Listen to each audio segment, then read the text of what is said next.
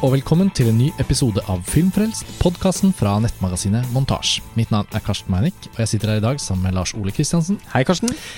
Lars Ole, nå er vi jo kommet til den tradisjonsrike Oscar-podkasten vår. Ehm, som tidligere har vi også varmet opp med en litt sånn episode hvor vi snakker om hva som, eh, hvordan racet ligger an. Det var jo i forbindelse med nominasjonene. Yes. Men nå nærmer det seg utdelingen. Det er bare noen dager igjen, og vi skal gjøre den faste episoden hvor vi spår hvem som kommer til å vinne prisene. Altså hvem vi tror vinner, og hvem vi håper at vinner. Eh, det er bare oss to i år, men vi skal gjøre vårt beste til å fylle alle disse eh, kvalifiserte gjetningene våre rundt hver kategori så godt det lar seg gjøre.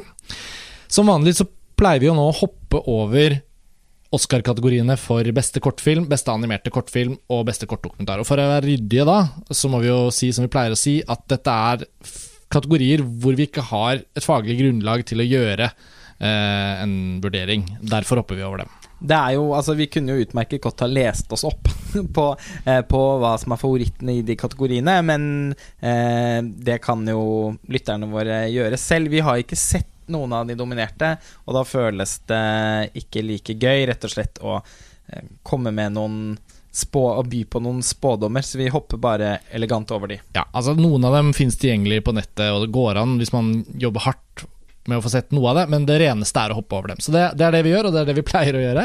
Eh, før vi begynner på kategoriene, så kan man jo også si bare veldig kort at siden sist så har vi jo også eh, fortsatt å konkludere med at det er jo et år med veldig mange filmer man liker veldig godt, som er nominert i veldig mange kategorier. Så det er jo egentlig et sånt veldig sånn positivt Oscar-år, egentlig.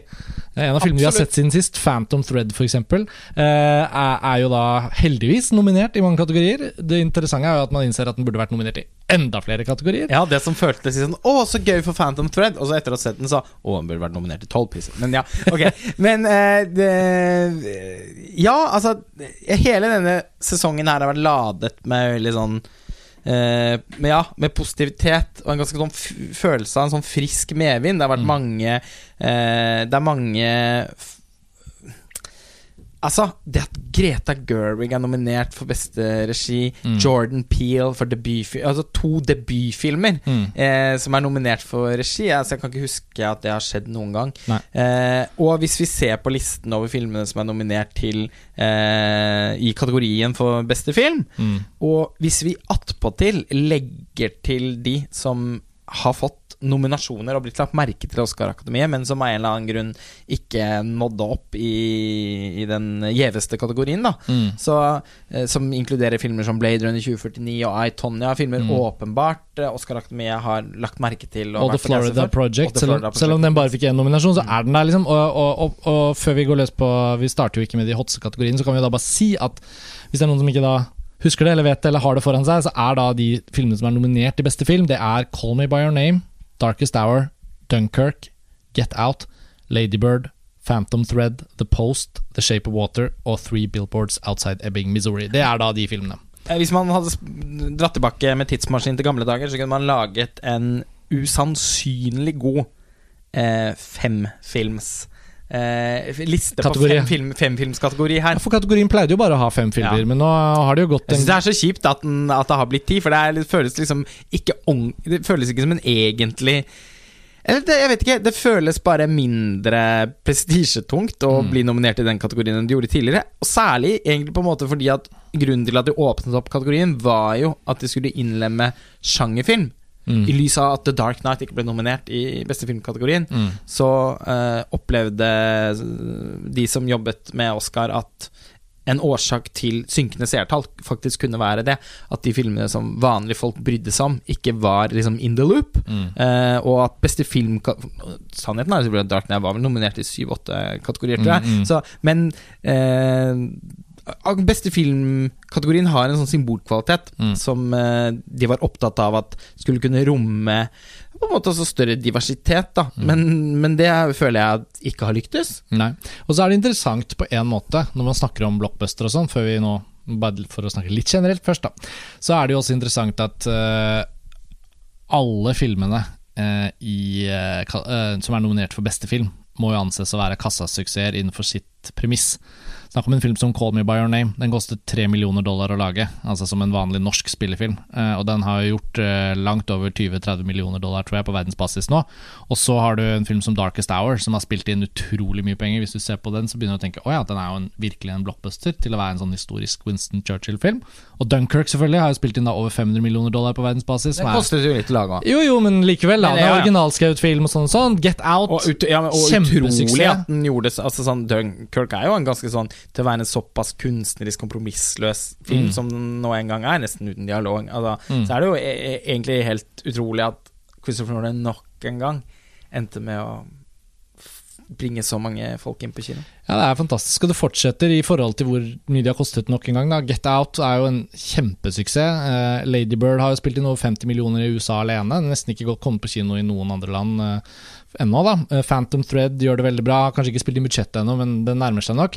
Og så har du The Post, som også er en eh, stor suksess. The Shape of Water, samme med Three Billboards. Så liksom, egentlig er jo også da kategorien eh, pakket med suksesser, Ja. kan man si. Ja. Men ok, dette var Det litt er jo sånn i og for seg også noe som eh, tradisjonelt sett anses for å være ikke et absolutt must, men en stor fordel på vei inn i Oscar-racet, særlig for den kategorien. Ja. At kommersiell suksess har eh, Altså, det, det har en viss eh, betydning Særlig da hva gjelder beste filmkategorien, fordi at Akademiet har lyst til å fronte filmer som Den er eh, vellykket, mm, på en måte.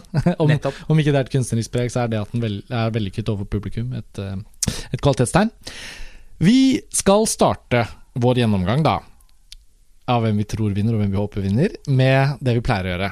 De to kategoriene som går på lyddesign, lydarbeid. Som er beste lydklipp og beste lydmiks. Og de er jo festet ved hoften litt, så vi kommer til å ta dem litt sånn i samme slengen. Ja. Vi kan starte med lydklipp. Der er de nominerte filmene Dunkirk, Baby Driver, The Shape of Water, Blade Runner 2049 og Star Wars Episode 8 The Last Jedi. Episode er faktisk tatt vekk Ja, fra tittelen til den nye Ja. filmen. Ja, men de heter ikke det. Nei, ja Jeg tror de prøver å de, de bryte- heter det for meg. Ja, de prøver å bryte med Lucas eh, sin Fordi nå i fremtiden så skal de tjene penger på å lage Star Wars-filmer. Ja, De har ikke lyst på sånne kaudervelske titler med hva, hvilken episode var det? Men eh, Ok, altså, det var lydklipp. mm, eh, verdige kandidater. Og så må det jo skytes inn da at det er de eksakt samme filmene som er nominert til Lydmiks. Så har vi, så har vi det ut av veien. Og eh, det er litt sånn anyone's guess, eh, på en måte, fordi eh, Dunkirk har f.eks. mistet såpass mye frontrunner-status, så en sånn det, Den kunne fått med seg eh, her i en sånn eh, Sweep-lignende Ikke sant? Forlengelsen av en sweep-bevegelse. Den, eh, den, er, den er litt i null. Eh, Så kan man si at Shape of Water nok ikke markerer seg nok i disse kategoriene til å ha en sjanse, selv om den trolig vil, til en viss grad i hvert fall, gjøre et såkalt sweep. Blade Runner 2049, eh, Dunkirk og Altså, de to vil jeg jo si er de filmene med sånn veldig sånn kunstnerisk markant lyddesign. Det gjelder selvfølgelig Star Wars The Last Jedi òg, men Mm. det er så mange Star Wars-filmer som har hatt så mye kult lyddesign, Mm. at jeg føler at den faller mellom ut, nei. jeg tenker at den faller mellom sprekkene her. Eh, Jokeren er Baby Driver, som jo ikke er en film verken du eller jeg er spesielt begeistret for. Særlig ikke deg, viste det seg. Jeg følte at jeg var den filmens antagonist eh, da jeg eh, bare syntes den var helt ålreit underholdning Ja, i sommer. Og jeg tenkte jo at Lars Ole kan jo ikke ha rett helt på alt. Jeg må jo se den før vi skal lage topplistene. Ja, ja, og du, Eh. altså, og du, tenkte vel også uh, brått at uh, Kanskje er det mer for meg. Ja, dette er sånn typisk jeg kommer til å like bedre enn Lars Ole. Ja. Så- Nei, det viste seg å være helt motsatt. Der, eh, der den filmen eh, eh, byr opp til dans med publikum i den første halvtimen, der er jeg med. For jeg ser at ok, her er det en film med noen kule ideer. Særlig på lydklipp og lydmiks, kan man si. Som virkelig prøver å fenge oss med. Men så syns jeg det er så patetisk når filmer ikke har noe mer å fortelle oss, som har ikke noe mer innhold, og den begynner å bryte sammen det den egentlig har satt opp som et kult konsept, fordi den har ingenting den handler om som er verdt å lage film om når filmen er eh, konstruert etter de konseptene den er. Så for meg er det litt en ufilm, eh, dessverre. Eh, den 14-årige meg ville gjort alt han kunne for å elske den filmen. Kanskje til og med sagt at han elsket den, men sakte, men sikkert innsett at den er jo egentlig ikke god. Uansett, jeg er blitt så gammel at jeg bare kan si det rett ut. Um, men når det er sagt, så har jeg også som, altså sånn jeg har tenkt Og jeg så på BAFTA-prisen, den vant jo, blant annet eh, BAFTA-prisen for beste klipp. Mm, uh. Og uh, jeg frykter at det ligger og ulmer en sånn Baby Driver-anerkjennelse for, uh, for fagarbeid også som kan poppe Ja. opp Oscaren. Så det er, jeg tror faktisk Jeg håper ikke. Jeg Mm. tror faktisk at Baby Driver har en sjanse her. Eh, og På klipp, eller? Mm, Ja, men samtidig så er det den der um, musikkbruken eh, og hvordan ting er vevd sammen, som virker så veldig eh, Hva skal man si eh, Ja, det er konseptuelt fengende. Jeg syns jo Mm. ikke det er bra, men jeg kan se at det er veldig sånn lett å gripe tak i. Folk som skal stemme i den kategorien, som kanskje bare tenker lyd som det, det første de hører. Ja, for jeg tror man skal ofte tenke at uh, de, de, de Dunkirk, så filmene med subtilt gjort, ikke sant? ja, ja, for det er ofte filmene med mest lyd Ja, uh, som vinner. Men her er, er det, det er mange filmer. med mye lyd. Da. Ja, da. det er veldig mye lyd i Dunkerque òg, Ja. og det er veldig mye lyd i Blade Runner 2049. Ja. Ja. De har nominert begynne, 20 du. Ja, for de har nominert Blade Runner 2049 i er det, fem kategorier. Mm. Eh, det er det er på en måte Hadde den filmen vært en større kommersiell suksess, så hadde den sannsynligvis vært eh, nominert i enda flere kategorier. mm. Det virker faktisk som at det er ganske mange altså, sånn, De har likt den, på en eller annen måte. Mm. Eh, jeg vet ikke Åh, Jeg syns det er fryktelig vanskelig. Jeg tror eh, jeg, Ok, jeg velger å være den konservative. Jeg er sikker på at du kommer til å få rett med Baby Driver. Altså, åh, faen. Men jeg orker ikke si noe annet enn at jeg både At jeg både tror og håper at Dunkerque vinner for beste lydklipp. Og så tror jeg og håper at Blade Runner 2049 vinner for lydmiks. Ja. Altså, jeg tror eh, eh, Jeg tror også Dunkerque eh, vinner for lydklipp. Og jeg for så vidt håper det. Jeg er like, jeg er veldig glad i Blade Runner 2049 også. Eh, problemet i den filmen er at jeg fortsatt venter på å få sett den igjen, sånn at jeg kan elske den litt hardere. Eh, og lydmyk så tenker jeg kanskje at vi skal Jeg skal sette en knapp på Baby Driver, men det er veldig sjelden den splitter. da Jeg føler ofte at den går til samme film i begge kategoriene. Veldig ofte, men ikke alltid. Eh, ikke alltid, Så- absolutt ikke. Så, Ikke fjor, for eksempel. Nei, så det blir sånn Det blir det for meg, da. Eh, at jeg håper Blade Runner 2049 tar den for lydmiks, men jeg tror faktisk kanskje Baby Driver sniker seg. Ja, men det verste er at jeg tror du får rett, men jeg, jeg stopper mitt likevel. Okay. Eh, beste originalsang er neste kategori. Ja, vi holder oss i den soniske den verden. absolutt minst interessante av alle Oscar-kategoriene. Ja, Her pleier vi jo ikke å bruke mye tid, vi skal ikke gjøre det i år heller. Eh, det er en film i år som for meg er en av de beste filmene som har kommet på flere år. Eh, 'Call Me By Your Name'. Og den så jo vi, og elsket vi, i 2017, og den har forflyttet seg til 2018 sånn filmårmessig. Så når det kommer til kåringer og sånn, så får vi spare den til senere. Men ikke minst er jo da originallåtene som Sofian Stevens har skrevet til Call Me By Your Name, et sånn sjelden tilfelle av sanger skrevet i en film som virkelig er med å fortelle historien, som gjør denne kategorien verdt å dele ut en Oscar i. For ofte er det jo veldig påklistret, og noen andre nominerte føles litt i den kategorien. Um, som vanlig er det jo en musikal med. uh, The Greatest Showman, This Is Me. Den har ikke jeg sett. Uh, Coco, uh, animasjonsfilm som har en sang, også ganske vanlig. Men uh, Sofian Stevens er nominert for Mystery of Love fra Colin By Your Name, og jeg tror og håper den vinner. Og hvis noe annet skjer, så ja. Ja. Jeg, jeg Det er selvfølgelig noe annet som skjer. Nei, ja, nei, jeg vet ikke, men altså, jeg skal ikke koste på meg å forsøksvis liksom komme med noen faglige innspill her, fordi at jeg har jo Mr. of Love er jo da også den eneste låten jeg har hørt av Sufjan Stevens. Jeg, jeg syns jo at Visions of Gideon hadde vært den Ja. av de låtene på Call Me By Your Name-soundtracket som burde vært nominert.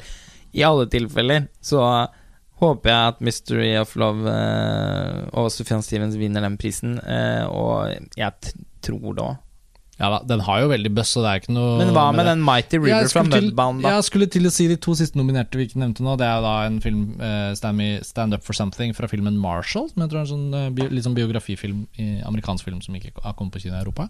Og så er det Mudbound. Som, Mary J. Blige. Mary J. Blige, ja, som også er nominert for beste birolle. Og den filmen har jeg sett.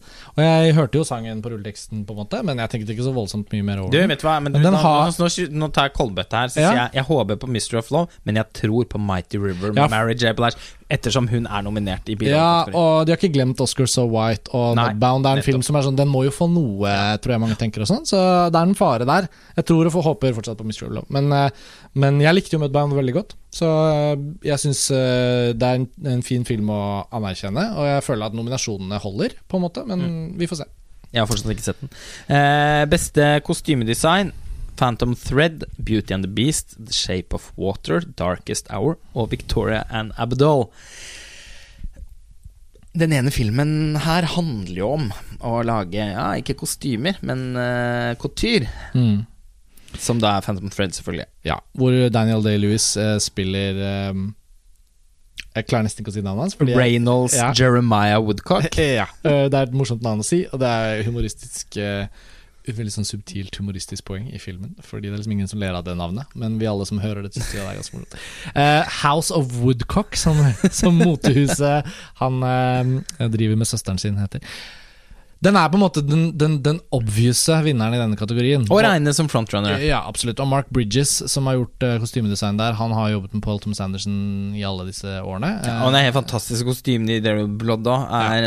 Eh, sannheten i denne kategorien er jo at eh, jo lengre tilbake i tid eh, kostymene befinner seg, og eller jo mer prangende synlige de er, Mm. eh, jo større sjanse har de for å vinne. Mm. Altså Min vinner her er jo også Call Me By Your Name, egentlig. Men den er selvfølgelig ikke nominert. Nei, nei, det er jo Periodekostymer fra 1980-tallet, det, Ja, jo, det, men det altså er ikke prangende nok. Nei, men altså, de, de er, jeg syns det er en oppriktig frustrasjon i den kategorien. Jeg syns det er veldig gøy med filmkostyme. Eh, syns alltid det er et viktig element i, i både periodefilmer, men også kontemporære filmer. Og jeg er for Jeg syns f.eks. det er veldig sørgelig at ikke I, Tonya er nominert. Som, eh, som også er periode, og som Mm. har en helt sykt morsomme og, eh, og sanne kostymer fra en spesielt grell periode i på en måte estetikkens historie, eller mote, motehistorien.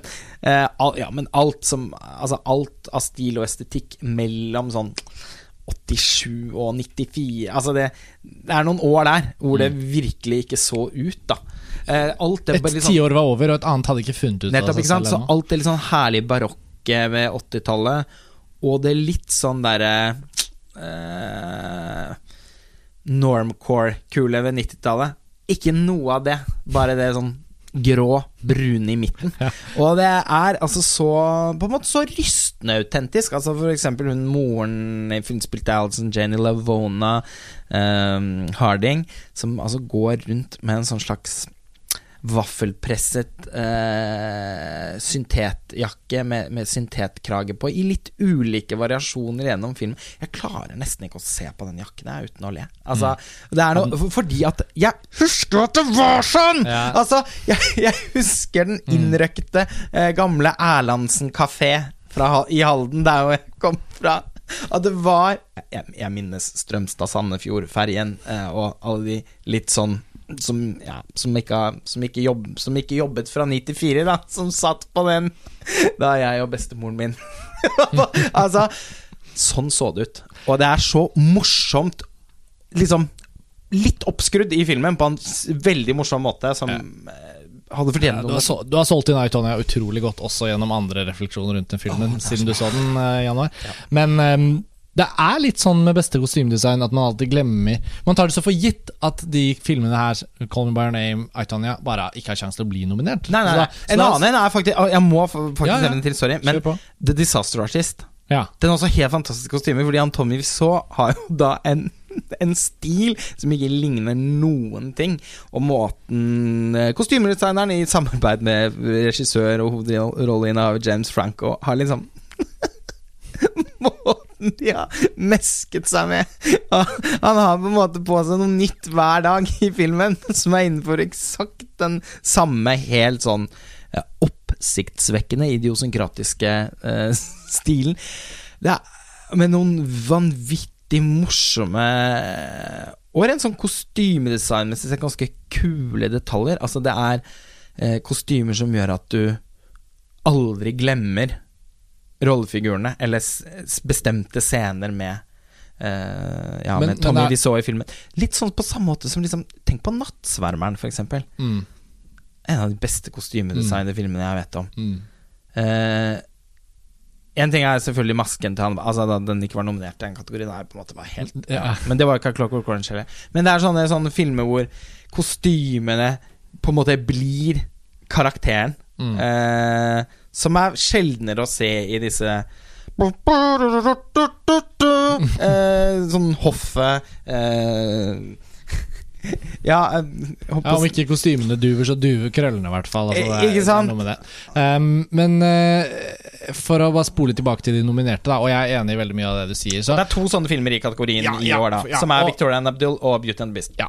og uh, en ting som må sies i år, er jo at det også er to filmer eh, med samme kostymedesigner som er nominert. Altså Både Beauty and the Beast og Joe Wrights Darkest Hour er, nomine eh, er nominert. Og det er Jacqueline Duran som er eh, er ansvarlig for kostymene i begge de filmene. Og hun har jo jobbet med Joe Wright, eh, om ikke siden starten, så har hun i hvert fall fulgt han tett. Og vært nominert tidligere, og vunnet for Anna Karenina i eh, 2013. Sånn at eh, Spørsmålet her er selvfølgelig om da de to filmene kommer til å eventuelt slå hverandre ut fordi det er den samme kostymedesigneren. Men eh, jeg vet jo at du her har Jeg tenker jo Phantom Thread. Den er frontrunner, Eh, jeg håper selvfølgelig at jeg den vinner. håper jo absolutt på Phantom Thread også, Og fordi Mark- kostymene er helt Ja, fantastiske. Mark Bridges har vunnet uh, Oscar for kostymedesign før, for The Artist faktisk. Ikke for noen av Paul Thomas Andersons filmer. Men, uh, men du har en teori om at det ikke blir Phantom Thread, skjønner jeg. Nei, ja, men Det er ikke helt en te teori, men uh, det er bare en Et sånn hårete forslag. Et hårete forslag og en sånn En i overkant besk magefølelse. Men jeg har opplevd flere ganger tidligere at jeg syns det er en sånn film som har et briljant kostymedesign, og som i tillegg er i en sånn slags frontrunner-posisjon. Mm. Men så Å, nei. Så ble det likevel den. Uh, Beauty and the Beast. Uh, som, det er en film jeg liker kjempegodt, faktisk. Eh, har ikke fått delt så mye om det, av det på Filmfrelst, men jeg skrev en omtale av den på montasje.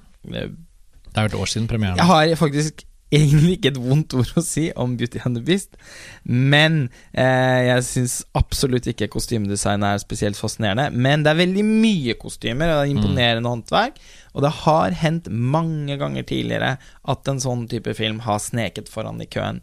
Og når Jacqueline eh, Duran er nominert for to filmer. Jeg tror ikke det er sånn i kostymedesignerkategorien at det slår hverandre i hjel. Altså sånn, av de to filmene, hvis folk har lagt merke til henne, så er jeg ganske overbevist om at de stemmer på Beauty and the Beast. Mm.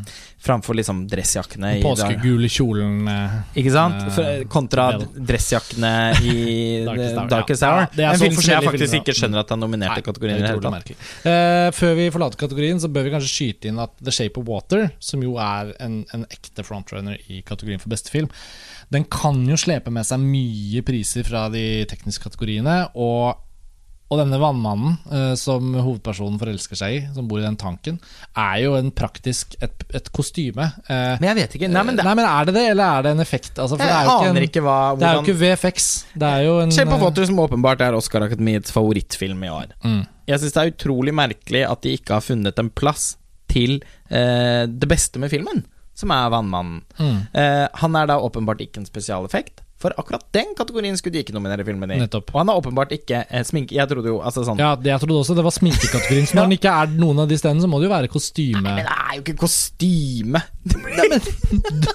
Doug Jones er jo under. Ja, det er neste skritt, da, på en måte. Vi får se. Gollum-huden ja, til ja, Andy Circus jo. er kostyme Ja, men den er jo digital. Altså, Ja da. Ja. Jo, men Ok, vi, vi, trenger, vi, vi har ikke nødvendigvis så mye å by på i den, eh, den argumentasjonen, men det må nevnes, da. Og, Jeg håper på Phantom Thread. Eh, lar det gå en kule varmt, og tror Beauty and Beast. og lolen er at Victoria og Abdul, som vi ikke har snakket om da, kommer til å vinne. Det er heller ikke usannsynlig. Nei.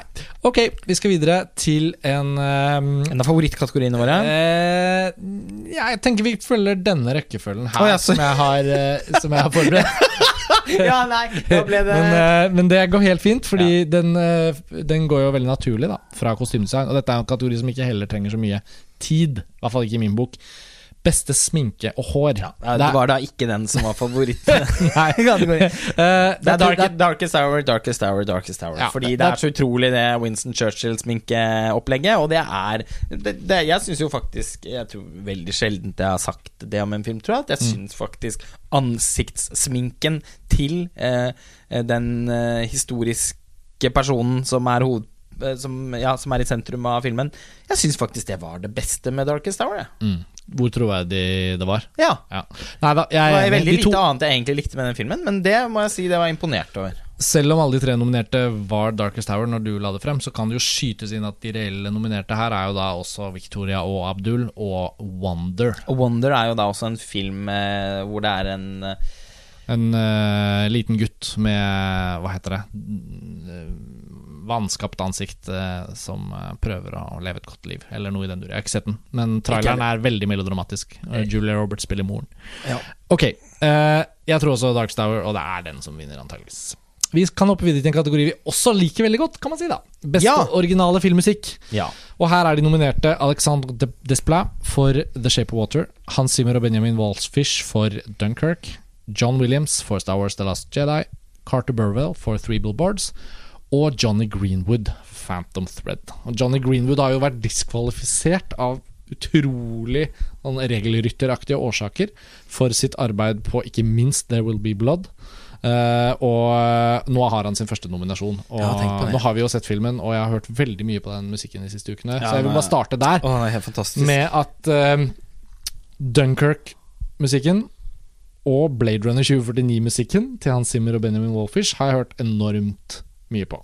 Blade, er de Blade Runner-musikken er ikke nominert, så den Nei, og Det er jo på en måte en skandale, for det er mitt favoritt-soundtrack fra i fjor. Det er noen som eh, Jeg vet at det ikke er sånn som At, at ikke alle på en måte er enige i det, Mm, men mm. jeg tror det handler litt om at man kanskje har- sett filmen en gang, Mm. og egentlig Og kanskje hørt gjennom soundtrack en gang. Det er altså så vanvittig bra, det soundtracket, hvis man lar det få åpne seg over tid. Mm. ja, Jeg er så enig, så enig. Jeg har hørt Og nå har jeg jo hørt mye mer på det enn jeg har tenkt på filmen, siden jeg bare har sett filmen en gang. Men, men de er i hvert fall ikke to ganger nominert, altså de kan ikke slå hverandre ut. Så hvis det er noen som vil gjerne gjeve opp eh, Blade Runner 2049, så har de jo anledningen til å stemme på Hans Zimmer og Benjamin Wolfish for musikken i Dunkirk, og den er jo ikke så dårlig, den heller. Nei, nei, nei, den Men jeg skulle bra. skyte inn at Johnny Greenwoods Phantom Thread, som jeg fikk begynt å høre på da for uh, fire uker siden, den er jo også helt vanvittig bra. Og når man har sett filmen, så, så er, blir den jo ikke noe dårligere. Nei, så.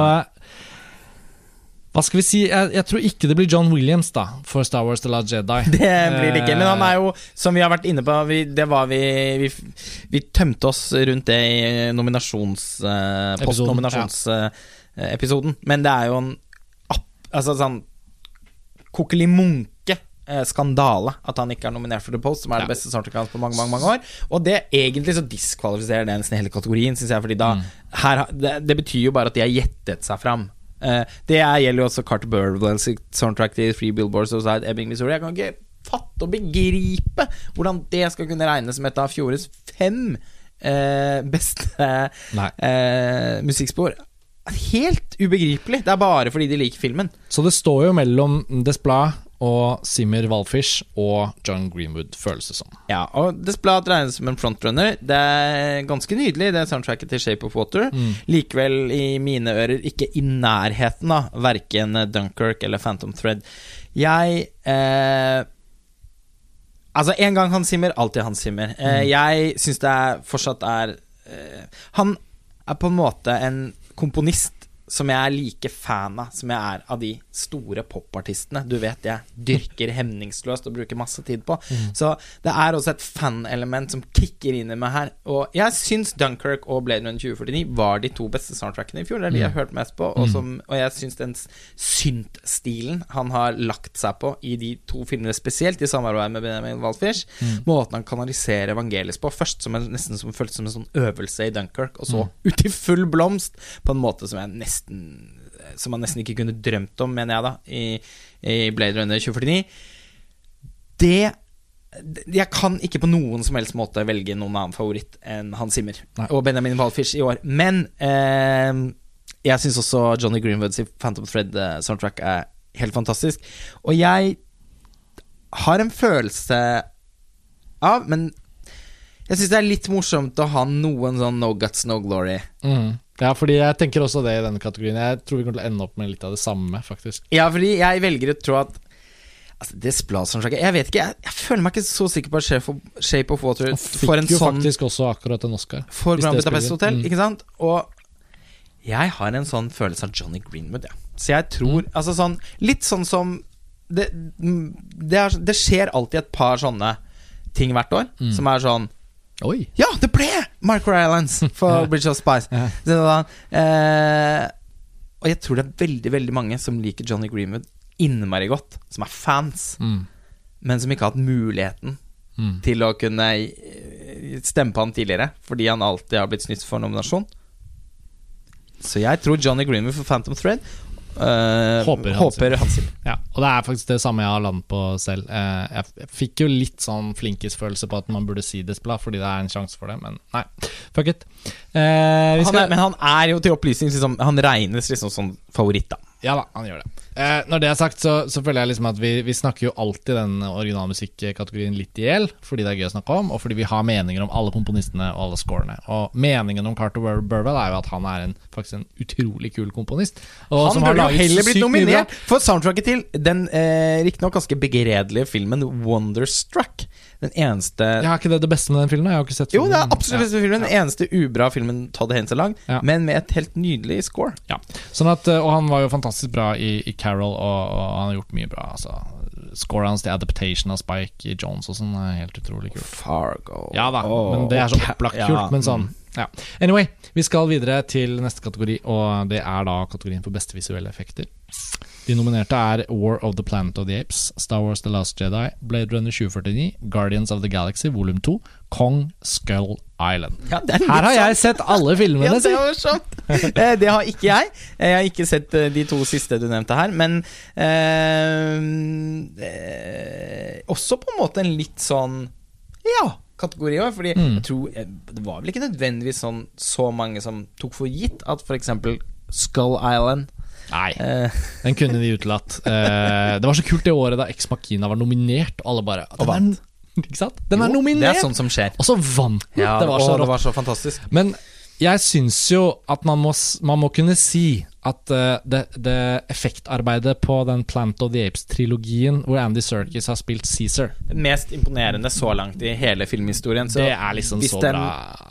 Den må, ja, men den kommer til å vinne, og den må vinne. Ja, den må vinne, faktisk. Det er en og- milepæl på linje med Altså sånn, Det jeg synes var ganske fascinerende å se. Jeg likte faktisk da den forrige Planet of the Apes-filmen enda bedre enn den. Jeg synes Den hadde bedre historie Ja. uh, og mer sånn er fair. gripende karakterdrama. Ja, for meg var de nok jevngode når alt kom Ja, til Ja, og det tror jeg de fleste syns. Mm. Men det var veldig morsomt å se at den forrige Altså den forrige eh, sopet inn ganske mye penger og var mer populær enn denne nye filmen. Mm, ja. Og eh, det er så gøy å se at liksom alle de pengene har gått inn i neste Spyttet inn i neste film. Mm. Fordi War of the Planet of the Apes er markant dyrere Mm, eh, i liksom hele uttrykket sitt mm, mm, enn den mm. forrige filmen. Eh, og det handler ikke bare om at den på en måte er mer sånn tradisjonelt storslått, eh, men at effektene er så Altså så helt sånn Altså sånn Man sitter og måper av hvor bra det er. Og sist jeg gjorde det, eh, forrige milepæl da innenfor CGI Og det er jo det vi forholder oss til i denne kategorien. Så det er det Mm. Ja, man da, på en måte må er diskutere. bare- ja. Og eh, forrige milepæl følte jeg var eh, Life of Pi. Mm, Eh, altså historien om mm, Pi mm. til Ang Lee. Det var også en sånn Den vant jo selvfølgelig. Ja, ja, ja. Det var også sånn, jeg kan ikke tro det på en måte. Eh, og før der så var det vel Ja, Lord, altså Lord of the Rings med. Gollum og Ja. To tårn. Ja. Og, og, og King Kong, i og for seg. Men det er ikke sånn det, det, det, ikke, det kommer noen ganger en sånn film som bare setter en sånn helt ny standard Ja. innenfor, og, og innenfor motion capture og, og CGI, så er Rise of the Planet of the Apes bare Eller War for the Planet of the Apes noe av det absolutt Eller det absolutt drøyeste jeg har sett. Ja, altså Hvis man tenker sånn som de tenkte med Ringenes herre-trilogien, så kom alle Oscarene på tredje film. Og Her snakker vi også om nominasjonen for beste visuelle effekter for Rise of the Planet of the Apes, nominasjonen for Dawn of the Planet of the Apes, og nå er den nominert igjen for War of the Planet of the Apes. Og det er faktisk en progresjon der òg. jeg syns virkelig de tre filmene er fantastisk bra. Er sånn, jeg, er overrasket over at den, den trilogien skulle bli så utrolig bra. Ja, den ble Men eh, veldig, også, veldig bra. og også det Matt Reeves har gjort fra Dawn og over til War, da, som regissør. Så nei, jeg håper virkelig, og jeg tror faktisk de kommer til å få prisen. Og det er synd at Andy Serkis aldri, foreløpig i hvert fall, har vært nominert for sitt arbeid oppi det. Nei, de har ikke tenkt så langt ut av boksen ennå, men, men, når det eh, er sagt, så er det jo sinnssykt mye eh, VFX da i Guardians of the Galaxy volum 2 og Kong Skull Island, og selvfølgelig Star Wars The Last Jedi. Det, det kule med Blade Runner 2049 er jo at eh, interaksjonen mellom eh, det vanvittige produksjonsdesignet, det utrolige fotoet, og da visuelle effekter som bare glir og skaper universet og bidrar til å mette, flette og gjøre alt det som ligger mellom. Det er jo også sinnssykt imponerende, da. Så det hadde ikke vært noen feil vinner, det heller. Tror du meg, eh, den jeg vil skal vinne her, er faktisk likevel da ikke War for the Planet of Tapes. Nei. Eh, det er den jeg tror vinner, Ja. og, jeg, og som jeg syns da er 100% fortjent. Men den jeg vil skal vinne, er Blade Runner 2049. Også fordi at det er effekter som jeg oppriktig setter pris på. eh, som mer enn at de bare er en imponerende effekt. Jeg Mm. syns effektideene i Blade Runner 2049 er sånn Mm. sinnssykt kule. Det er, den har ting som er sånn dette har jeg ikke sett før. Ja. Og jeg har faktisk sett eh, pelsdyr som snakker eh, rimelig autentisk på film før. F.eks. i den forrige Planet of the Apes-filmen. Og da fikk vi tatt livet av den. Nei, men, eh, men det er noe med altså, hologrammet og den scenen hvor eh, Altså, det er, noen, det er en, blant annet en scene hvor hun Joy, som hun heter, da, Mm. går liksom inn og ut av Ryan Gosling Mm. når han sitter ved en sånn eh, maskin og skal identifisere noen sånne koder Mm. og tall. Eh, japansk maskin. Som Altså det er Det har du har ikke sett maken. Det er kanskje noe av det X-Makena faktisk fikk den prisen for den gangen. At den, Ja. at den klarte å gjøre effekter i en liten skala, som Ja. den filmen var proporsjonalt sett, men at verdien av effektenes ideer Ja. hadde så stor effekt på Og det, ja, handlingen, etc. det er egentlig ligner jo veldig litt. Eh, Mm. Selv om Blade Runner har kostet helt sånn Ja, litt for mye penger. Alle disse filmene er dyre, for å si det sånn. Ja, men ingen er vel dyrere enn den. Nei Eh, det, det, altså, den har jo kostet så mye penger. Studio vil jo slite i årevis med å klare å få, inn, få pengene tilbake. Eh, all den tid det var en to timer og 45 minutter lang Uncertain Vegar-film. Men eh, det, er, det, det er jo kult med filmen at den faktisk ja, ikke er noe sånn VFX eller CGI-bonanza. Nei, det føles iallfall ikke sånn. Nei, Eh, ikke i det hele og det er imponerende. Vi skal videre til noe mer håndfast. eh, Beste produksjonsdesign. Det er jo en veldig fin progresjon her, fra kategori til kategori, faktisk. Ja. The Shape of Water, Blade Runner 2049, Dunkerque, Beauty and the Beast og Darkest Hour er nominert her. Hva tenker du? Jeg tenker at uh, tre av disse filmene eh, er eh, Altså, var det umulig å komme å, å gå utenom i kategorien, som er da Shape of Water, Blade Runner 2049 og Dunkerque.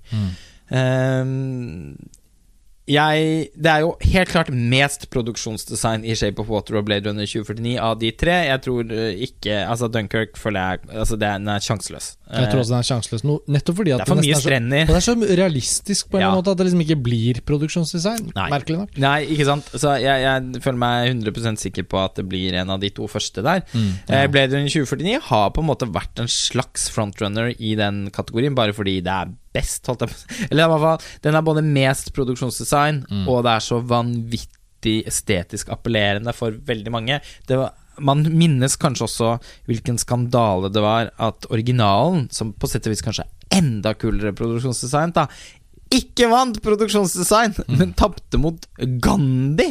Altså, noen sånn noe laken strødd utover en stadion. Det var, mange som tapte en Oscar til Gandhi. Ja, det, var det! Ja, det var det. Men altså, det er jo faktisk Det er nesten sånn Oscar-historie Det er sånn man kan ha på Oscar-quiz, fordi det er en sånn berømt, gyselig avgjørelse. da Fordi det basically er kanskje det beste produksjons, kuleste produksjonsdesignet i muligens hele filmhistorien. Drømmen I er at- det syns jeg, da, men det Ja. tror jeg ganske mange vil kunne eh. Den Filmen har mange hardcore fans, da. Ja.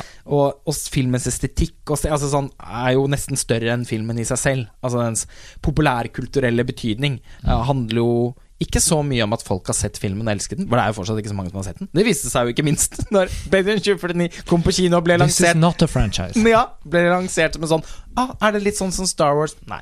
Ingen sånn. altså, eh, men. Shape of Water har likevel uh, sneket litt foran den i køen, fordi Mm. Guillermo del Toro er selvfølgelig også en eh, regissør som, altså, som er fantastisk med produksjonsdesign i filmene sine. Pans labyrint vant prisen uh, i 2007. Uh, jeg mistenker at her vil sweep-effekten slå til, da. Så Mm. jeg heier 100 og 1000% på Blade Runner 2049, men tror faktisk at Shape of Water tar den, da. Ja, nei, altså det, Jeg er jo kjedelig enig i akkurat den kategorien, så jeg tror vi kan heller bruke tid på kategorien som kommer. Jeg tror det samme, eh, og jeg håper også på Blade 2049, faktisk. Fordi jeg føler at også den neste prisen vi skal snakke om, det handler om et samarbeid her mellom produksjonsdesign og foto. Og, og jeg håper ikke at å vinne den ene slår ut den andre, eller noe. Fordi vi skal videre til beste foto, og der er jo da selvfølgelig Roger Deakins nominert igjen for Blade Runner 2049, sammen med eh, danske dans, Dan Laustsen for The Shape of Water, og Rachel Morrison, som første kvinne noensinne, nominert for foto i Best Mudbound. Hoyte van Hoytema for Dunkerque og Bruno Del Bonel for Darkest Hour. Ja. Ja, hvem skal ut? Eh, det er jo på en måte Eh, Paul Thomas Anders skal i hvert fall inn for Phantom Thread. Fordi eh, Vi kan jo starte med at denne kategorien også har utelatt noen av de aller vakreste fotoarbeidene som ble gjort i 2017. Og ikke bare vakreste, men Nei, mest uttrykksfulle og mest sånn narrativt orienterte. På det. Jeg syns denne kategorien er en slags Selv om den er fylt av bra ting, Ja så syns jeg likevel det er en skandale i år. Fordi det er ikke rom Deakins og van Hoitema står trygt i De står trygt. Det føler jeg vi kan, det er, liksom, det er udiskutabelt. Men eh, Og av rent sånn politiske årsaker så vil man uansett selvfølgelig kunne si at det er først og fremst bare jævlig kult at hun Rachel Morrison eh, er nominert. Ja. Og den er veldig fint fotografert Mudbound, så Ja, det, er ikke noe, det er ikke noe sånn at den står tilbake for, for en, en nominasjon i et vanlig år. Eh, men den er jo selvfølgelig en, en, en fotonominasjon her som vipper mot filmer som jeg personlig ville foretrukket. Eh, men det er verre med Uh, Nei, det verste her er Bruno her- del Bonnell for Darkest Hour. For Bruno del Bonnell, fotograf vi eh, Ja, ja, begge herregud. liker veldig godt, og har skrytt masse på film. Darkest Hour er ikke noe bra fotografert film. Nei. Altså, sånn, det er det absolutt styggeste jeg har sett han har gjort. Mm. Og den, har- den har sånn blast og flatt og veldig digitalt og eh, uatmosfærisk Mm. over seg, som eh, Jeg, jeg ble nesten Jeg syns det var et av de svakeste elementene i filmen. Og The Shape of Water har noe sånn forutsigbart pastisjbasert foto, som uh, i sin grønngule eh, Jeg, verden. jeg er lei det. Ja, det er på en måte innovasjonen Det er. Jeanette og Carot eh, som skapte det, Ja. og jeg syns fortsatt de gjør det aller best. Eh, Del Toro ut, gjorde, gjorde akkurat det samme i Pans labyrint. Mm. Helt nydelig, selvfølgelig. Mm. Den filmen vant jo Oscar for beste foto. Burde ikke gjort det, for det burde Manuel Beske gjort for 'Children of Men' samme år. Helt utrolig, egentlig, at ikke det skjedde! Ja. Men eh, I, mm, Men eh, at eh, Zainub Mukhteprang ikke er nominert for 'Call Me By Name', Ja. skandale. Det er skandale. At Janusz Kaminski ikke er nominert for The Post. En Ja. så stor skandale at hele prisen for meg i år er umulig å ta seriøst, Ja. det er veldig synd. Og Paul Thomas Anderson for Phantom Thread. Altså Når de først elsker den filmen det hvor Det er en, en kategori Uten å spoile noe nå, men det er en kategori til han ikke er nominert i, som bare er Man sånn må bare le. Ja, men da gjetter de! Altså Det er det som irriterer Ja. meg. da det, det gjør at hele prisen egentlig bare blir Ja, tull. det er Oscar på sitt verste. Det, er det Ja. pleier vi å uttrykke vår frustrasjon da, Og det er noen sikre eksempler på det i år, Mm. hvor det er gjetting involvert, sånn Mm. som med uh, John Williams' nominasjon for The Last Jedi istedenfor The Mm. Ja, skal vi orke å bruke noe mer tid på å være Nei, sure, da- og nei, vi isteden si, Si det vi håper det og ja. tror? Vet du hva, jeg håper og tror Jeg håper på Jeg er helt vilt imponert over Hoite van Hoitma sitt arbeid i Dunkerque. Eh, det er kanskje det mest imponerende enkeltelementet ved den filmen. Skutt i 70 mm, det er noen svartnivåer og tekstur og sånn der som bare er helt Altså, det, er, det kan på en måte ikke Film blir ikke Ser ikke bedre ut enn det der. Mm. Eh, å få så mye feeling inn i, i bare gjennom fotoet som den filmen gjør. En film må nesten helt uten dialog. Det Mm. burde ha vært egentlig en sånn obvious frontrunner i Mm, kategorien. I alle kategorier, egentlig. Og den var jo det i sommer. ja, den var jo det! Vi sa det jo på podkasten òg. Dette er sånn, Nå blir det ti Oscar på Nolan, og så deilig. Så Ja. gjør det jo ikke det. Nei. Fordi ting har snudd. Uh, utrolig merkelig. Den kom bare for tidlig, den. Men hadde den kommet hadde den premiere i desember, så hadde Ja, det er- frontrunner. det Men uh, Likevel. likevel, vet du hva? It's a first. Mm. Eh, jeg syns nå Time's up. Nå må Roger Dickens få den prisen. Ja. Skal Fordi- han kunne stå på scenen og si Stå og holde Oscaren og si metoo? Veldig Fordi, morsomt. ja, men Roger Deakins har faktisk veldig sjelden vært best. Han har vært nominert hvor mange ganger nå? 14? 13? 14? 14. Mm. Og han har faktisk ikke fått Oscar. Som oftest har det skjedd fordi han ikke har vært best. Ja, Det har han- alltid vært en annen som har vært best. Så han, han er liksom notorisk uflaks der, fordi Ja. han er jo eh, nesten alt Han kan bli litt beige og kjedelig noen ganger. Jeg føler at han har hatt noen veldig gode år nå, hvor han da også har jobbet med litt andre folk enn Mm. Noe- Altså Hans eh, samarbeid med Denise Villeneuve, for eksempel, Ja. da, har jo veldig spennende i hver eneste film. Ja, ja. Han Så- kunne vunnet for Sicario, på en måte, i forhold til hva, hvordan den filmen var. ja, ja, ja. Jeg heiet fakt... Det, It's not a first, fordi jeg heiet også på han eh, for Prisoner, faktisk. Mm. Fordi Ja, jeg syns det var fantastisk arbeid. Og det var et sånn år hvor det var mye digitalt. Mm. Eh, sånn, som hadde en veldig sånn digital type look, da. Og jeg følte at det Dickens gikk for i den, var eh, skilte seg veldig positivt. Men det er som du sier, hans forbannelse er at han er, han er en mesterfotograf, men har sjelden laget årets mest ja, Det er stort sett bare amerikanske filmer som er nominert, men årets amerikanske eh, best amerikanske fotograferte film. Han har jo f.eks. tapt Jesse James. Altså, fotoarbeid i den filmen Ja. Altså, hva skal man si? Men det er likevel akkurat, liksom Akkurat ikke opp til There Will Be Blonde, da. Ja, det året der var jo spesielt uflaks, da. Er Sjelden grad av uflaks, men sånn har det ofte vært. Men var ikke det året med No Country for Old Men òg, da? Eller var det forskjellige år? Det stemmer, det var det samme. Så det var jo fort Det var veldig sterkt å få digg. Ja. Men Men det vi skal frem til, er faktisk at vi tror og håper Ja. At eh, Deakins tar det i år. Og det kommer til å bli et av faktisk eh, Oscar-kveldens sterkeste øyeblikk hvis Deakins vinner. Da kommer folk til å reise seg på Da kommer folk til å reise seg. Ja. Og, nå, og, og det, er altså, det er jo en av de mest uh, imponerende altså, Et av de mest imponerende arbeidene han har gjort. Filmen er på en måte fjorårets mest sånn komplett visuelle film, Mm. uh, eventuelt ved siden av Dunkerque. Så det er på en måte flaks for Deakins da, at ikke Kaminski eller Mukti Prom eller noen Ja. av disse andre som var bedre, Ja, ja, er nominert. ja. Uh, nei, men eh, det, det føles bare så Jeg tenker også når de har nominert en film i så mange kategorier, noe må den vel få. Mm. Eh, så jeg håper på en måte at jeg tar feil på den lyd... event- Hvis, nå er det ikke det planlagt uansett, det er bare tilfeldigheter, for de bare stemmer jo, men ja. Eh, men, Lo- Lolen er vel at Dan Laustsen vinner, da, for at det skjer på godt. jo, men det tror jeg er en reell eh, fare. Men jeg Skal det være en upset, så bør det være Hoyt van Hoytema.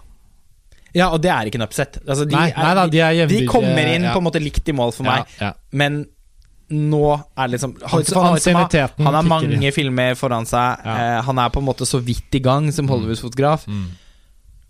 Nå det er, så, det er så riktig øyeblikk å gi den til Roger Dickens, og, Mm. og, no, og bare liksom anerkjenne den filmens Som du sier, samspillet mellom produksjonsdesign og foto i den filmen er helt utrolig. Mm. Eh, måtte ha Kom igjen! Han vant, ja. han vant BAFTA, Ja, han gjorde det. eh, og Vi krysser fingrene. mm. Det, det må skje nå. Eh, vi skal fra foto til klipp. Og de nominerte i kategori for beste klipping, det er Lee Smith for Dunkerque, eh, Tatiana S. Regal for I, Tonya, Jonathan Amos og Paul Mackless for The Baby Driver, John Gregory for Three Billboards og Sidney Wolinski for The Shape of Water. Ehm, ja. BAFTA-prisen for beste klipp gikk til Baby Driver. Og da satte jeg kaffen i halsen. Mm. For da kjente jeg at å nei, det blir et sånt år. Jeg elsket det eh, da Whiplash tok for beste klipp, for det var så sykt fett. Fordi der betød jo en sånn in your face, klippe-klipp etter klipp, eh, noe for ja, Det kan effekt. ikke bli mer klippete klipp enn i den.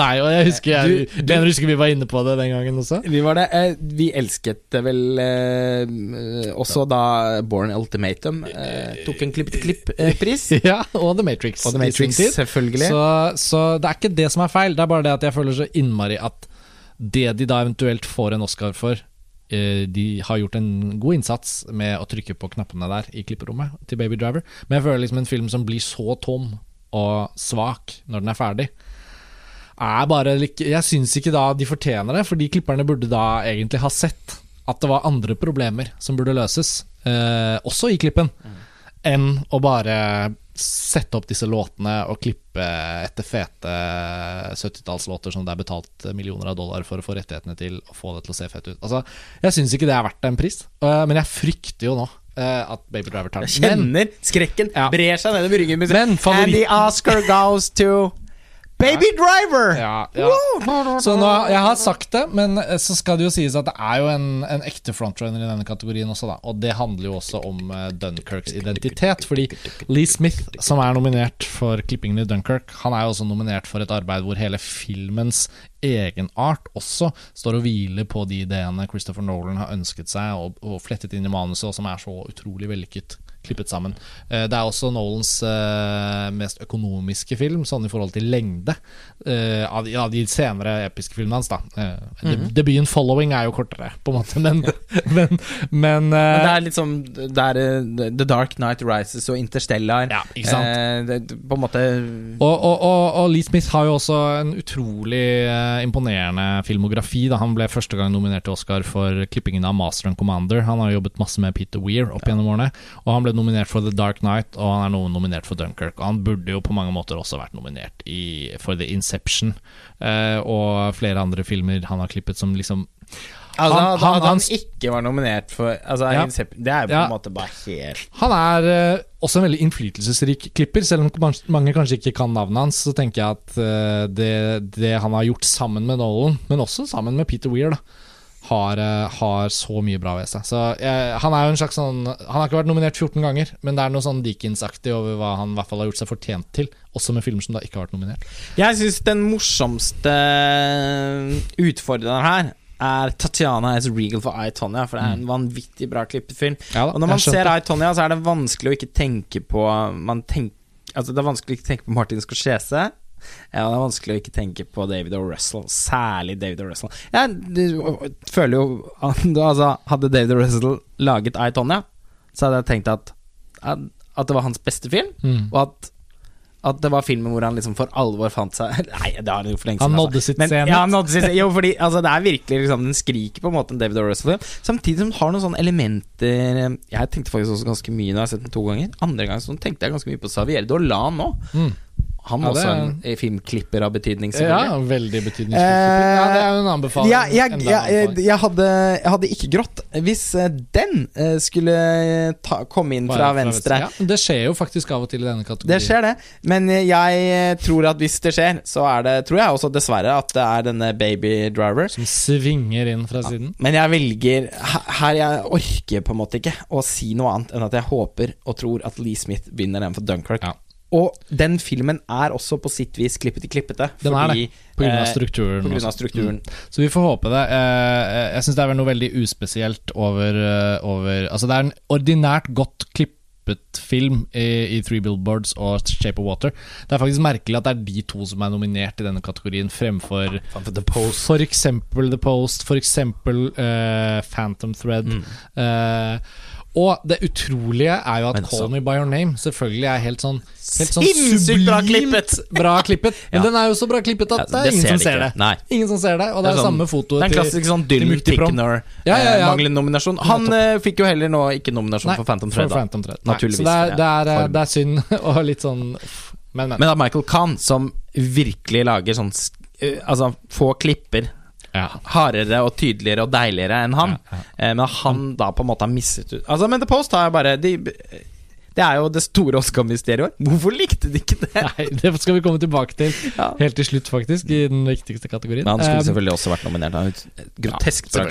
Ok, vi skal til en litt sånn Ja, Litt kjedelig kategori, ja faktisk. egentlig. Oscar Beste ikke-engelskspråklig film. Det er jo den det snakkes så mye om, fordi man i hvert land velger sin kandidat. Skal det bli Norge i Det år? er en Et cetera, et cetera. kjempetrøttsom pris. Uh, The Square av Ruben Østlund er jo nominert, uh, så Sverige har eh, sneket seg inn. Uh, en fantastisk kvinne, eller Un Mujer Fantastica fra Chile, er nominert. Loveless av Andrej Zvjagintsev og On Body and Soul av Iliko Idnjedi. Og The Insult.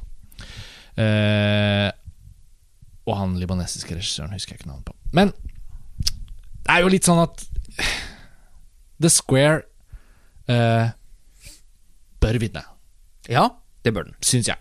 Jeg håper den vinner, fordi det hadde vært gøy å se en som så uhemmet elsker å vinne og få oppmerksomhet, som Ruben Østelund, stå på scenen der og hyle og skrike og juble som en sånn ekte svensk Ja. eh, godgutt. Ja. Uh, men og som lytterne sikkert har fått med seg, og min nummer to film i fjor, Ja så jeg anser den for å være et mesterverk. Og Så på det en er måte helt utrolig gøy at den eh, At eh, Altså, en, en sådan film Mm. har sjelden uh, blitt nominert i denne Og det er jo prisen. Cannes og, det er jo Cannes og Berlin her, på en måte. Uh, som er uh, Head premi- to head. premierearenaene for disse forskjellige filmene. Ja. Det kan skje at On Body and Soul, den ungarske som vant Gullbjørnen i fjor, eh, kan snike seg inn rett og slett fordi at det er en sånn veldig skjønn kjærlighetshistorie. Og plutselig, før du vet ordet av det, så, så har, den, eh, har den plukket noe. Men en teori som ble lagt fram på en IndieWire-podkast nå forrige uke, det var jo også at de som stemmer på European Film Awards, og de som til slutt kommer til å stemme på beste ikke-engelskspråklige film, er jo i overveiende grad uh, ja, og ikke-amerikanske medlemmer av akademiet. Ja. Så, så det er faktisk noe med at The Square ligger veldig tett opp mot en favorittstatus. Hadde det ikke vært for at uh, en fantastisk kvinne Uh, av en eller annen grunn har seilet opp, da. Og Men det visst man vært veldig jo- god best på den på akademivisninger. Og Ja, for og den sånt. har liksom vært frontrunner hele Mm, veien. Ikke kan jeg forstå hvorfor. Men uh, uh, mens The som vi slo fast i Berlin vært- i fjor, det var en av de dårligste filmene på festivalen. Ja. Ja. Den står for det. Eh, The Square eh, har jo hatt en underdog-posisjon, men det er interessant det du sier. Har jeg, jeg har ikke fått hørt den siste IndieWire-podkasten. Jeg pleier også å følge med på, mm, på de gjennom Oscarsesongen. Mm. Eh, men det er et interessant eh, poeng. Mm, Og, det, og kategorien er notorisk kjent Mm. for å overraske, mm, så eh, hadde jo vært veldig hyggelig og veldig fortjent, og morsomt. Gullpalmen og Oscaren sånn, til Ruben. Østlund i løpet av et år. Du, skal vi, skal vi slå, slå en sånn koldbøtte, da? Altså tro og, og håpe på The Square? jeg, jeg, jeg blir ved å håpe, og så tar jeg en litt sånn tørr tone her, og så tenker jeg faktisk at jeg tror faktisk den On Body and Soul kanskje sniker seg inn og tar den. Må ikke glemme at det er en kvinnelig regissør, og uh, det er også den eneste kvinnelige regissøren i den kategorien. Mm. Så tror det kan være Jeg tar en liten uh, prøve Ja, sånn- meg her. Ja, ja men, men, jeg da, håper jo på The Square, og det hadde vært det morsomste. men da backer vi begge unna A Fantastic eh, Woman. Og jeg kan ikke trekke fram en film jeg misliker så mye. Nei, Nei. det vet du hva. Uh, Det går på prinsippene ja, løs. det, ja, men den har liksom den- den frontrunner-statusen har uansett blitt litt sånn uh, svekket der. Folk har også snakket om Svea Gynse-filmen Mm. som en Den sånn er så Bleak, da. Ja, bo, ja, det er den virkelig. Men også såpass mm, Altså så god. Eh, og mm. Ja da. Det hadde ikke vært feil. Altså, sånn, det kunne vært litt flott. Jeg er ikke motstander av det, men jeg syns det Ja, nå har vi sagt det. The Square er det ja, men du, da tror jeg håper, både håper og tror på The Square er for Ja. litt for moro skyld. Ok, beste dokumentar. Her er det Her er det en litt sånn For meg en litt sånn vag kategori i år. Kanskje mest fordi det er mange av filmene jeg ikke har sett, dessverre. da Eh, Netflix-filmen Icarus, eller Icarus, som eh, handler om den russiske avhopperen fra dopingbyrået i Moskva som Men det er en helt utrolig historie. Det er jo litt sånn der, Skru på kameraet, og filmen utspiller seg foran øynene dine, og du vet ikke helt hva slags film du har, og så plutselig innser du at du har en helt utrolig historie som, som har jo veltet hele den russiske deltakelsen i OL i Pyeongchang, som akkurat er overstått. Ja, den har fått en ganske stor effekt, en Netflix-dokumentar. Eh, Den er ikke noe stort filmverk, men den har en god sjanse til å vinne. Eh, når det er sagt, så er vel favoritten her Agnes Vardas 'Faces Places', faktisk. De, de andre filmene, bare for å ha sagt det, er 'Abacus', 'Small Enough to Jail', 'Last Man in Aleppo' og 'Strong Island'. Last Man in Aleppo jeg har, inntrykk jeg har ikke sett den, men jeg har inntrykk av at det er så tøff å se. Mm. At uh, den kan ha vondt for å, å nå opp til akademimedlemmer som ikke ønsker å utsette seg for den type ubehag. Icarus uh, har jeg sett også, etter din anbefaling fra Mm. den forrige Oscar-podkasten vi laget. Um, det er jo en helt utrolig historie, selvfølgelig. Så den er, Det er kjempeinteressant og morsom å se. Eh, Jeg syns jo heller da ikke den var et stort filmverk. Jeg syns også den hadde noen problemer som filmfortelling, egentlig. Fordi at jeg syns at den begynner på en historie, og så må den jo da bare bukte Altså, den må snu seg og gå i en annen retning, fordi at historien på en måte krever det. Mm. Men jeg syns da med hell at den kunne vært noe bedre på å sy sammen de to delene. Og så gitt Jeg vet ikke. Jeg syns det var noe strukturelt Den der bytter jo på hælen, nesten. ja, sånn, det det er et skikkelig rykk, og det er Mm. et veldig tilfredsstillende rykk på en måte når det skjer, men jeg opplever at det er noen tråder her som ikke samles helt. Så den var ganske langt unna å være noen sånn eh, slående god dokumentar, Mm. eh, i mine øyne, men et app, altså sånn en film man likevel er helt nødt til å se, da. Mm. Og som jeg tipper også vil gå inn med en sånn Det kan nok føles i denne bunten som en ganske sånn viktig film. Ja, absolutt. Faces Places, ingen av oss har sett den. Eh, Agnes Varda Og eh, kunstneren JR. Ja. De er korregissører. Mm, hun skal jo få æres-Oscar. Lite hadde Har vært fått. Eller har fått, Mm, selvfølgelig. mm. Men eh, skal jo den bli Kommer jo også til å Markert på showet. Ja, nå har man jo ødelagt hele det opplegget der. Det er så synd, det. Ja. Men det, det er sier vi. Det har vi sagt hvert år de siste årene. Ja. Ja, altså Lite hadde vært koseligere enn om Agnes Varda gikk hjem fra den utdelingen på en måte med to Oscarsstatuetter. Eh, det unner jeg henne. Jeg ikke Jeg var eh, ikke særlig stor fan av den forrige personlige dokumentaren eh, hennes, 'The Beaches of Agnes'. Ja, for du har jo ikke nødvendigvis dine Varda-favoritter blant dokumentarene, her, inntrykk av. opp gjennom årene. Nei, men altså, det er jo sånn Men, men den eh, det, er nok den hun har men, men denne her er jo annerledes. Dette er jo et møte med en eh, Altså street art. Mm. Og møte med folk gjennom Frankrike. Jeg tror den har en veldig sånn positiv tode, da, ut fra hva jeg har lest i anmeldelsene. Så det er jo på en måte også en sånn En feel good-dokumentar.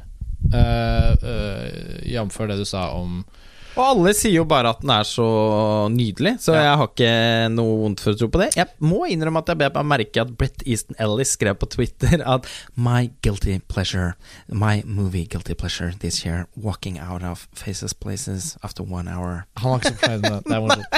Men eh, Hun er Agnes Varda, hvis hun vinner en competitive Oscar, da som hun Ja, har, har mulighet til nå, så vil hun faktisk eh, bli den eldste vinneren av en Oscar eh, noensinne. ja, det, var, det hadde Eh, hun- selvfølgelig bare vært helt hun, hun fantastisk. hun er født 30. Og mai all ære til Agnes Varda. 1928. Men Sånn opp igjennom. hvis ikke hun uh, vinner, så kan James Ivory bli tidenes eldste Oscar-vinner. eh, fordi han er født en uke etter henne. Eh, og Oi, og er han-. Ja, de er begge 89 og skal fylle 90 eh, på sent på våren, tidlig på sommeren. Sannsynligheten er jo egentlig da at vi får de to eldste Oscar-vinnerne noensinne. Ja, fordi de er begge faktisk frontrunnere i hver sin kategori, så Ja, for det er jo litt sånn morsomt. Heldigvis morsomt. ingen tvil om da at uh, James Ivory er eh, favoritt i kategorien for beste adapterte manus. Ja, Vi kan kanskje ta manuskategorien. Eh. Skal vi ta de nå? Ja. Ja, han, ble han er nominert for Call Me By Your Name. Uh, så er uh, Scott Newstatter og Michael Weber nominert for Disaster Artist. Er det den eneste nominasjonen den filmen faktisk endte opp med å få? eller?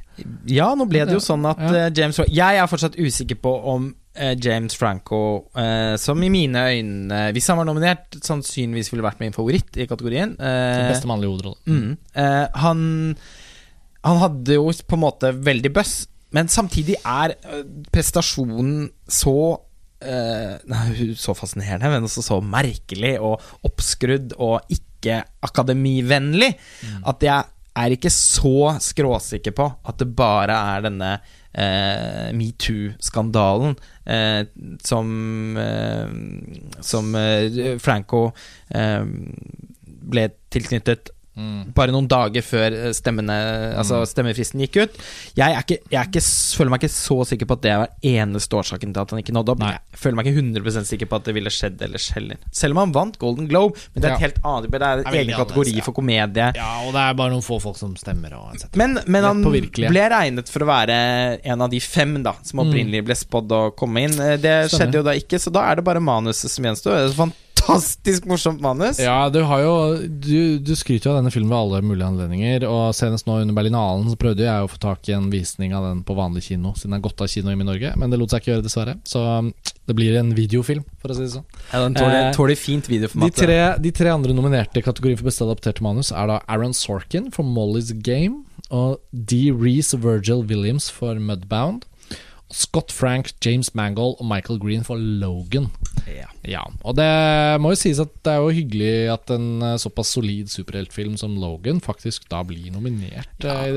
for noe. Ja, Så altså, Annet den- enn visuelle effekter hvis den hadde vært nominert der, men det ble den jo ikke. Det er jo en Altså Logan syns jeg var en virkelig god eh, superheltfilm. Mm. Eh, kunne aldri falt meg inn å tenke på at den skulle være blant de fem som ble nominert til beste adapterte manus. Jeg Nei. kan jo bare begynne å ramse opp alle de som skulle vært nominert, men men eh, det er på en måte artig nok. Det gir plass til Call Me By Your Name, i hvert fall. Endelig en kategori hvor den filmen står frem som en sånn absolutt favoritt. Ja. Uh, og Vi har ikke sett Molly's Game. Jeg er sikker Nei. på at den er helt strålende skrevet fordi den er skrevet av Aaron Men det er ikke denne Aaron Sorkin eh, skal vinne en til Oscar Nei da, for. det er nok Eh, meget usannsynlig. Mudbound Mudbound er kanskje. Dark Horse, altså rett og slett litt også pga. politikk. da Altså Mm. Det er en veldig godt likt og veldig respektert film. Så er jo spørsmålet også kan Netflix bikke over i noe annet enn dokumentarkategoriene. Eh, de vant jo for eh, De hvite hjelmene, kortdokumentar som, altså Innenfor dokumentar finansierer jo og distribuerer jo Netflix vanvittig mye bra eh, film, og viktig film. Og den flaten de har ut mot sine hundrevis av millioner abonnenter rundt omkring i verden, gjør jo også at disse filmene får en mye bredere nedslag.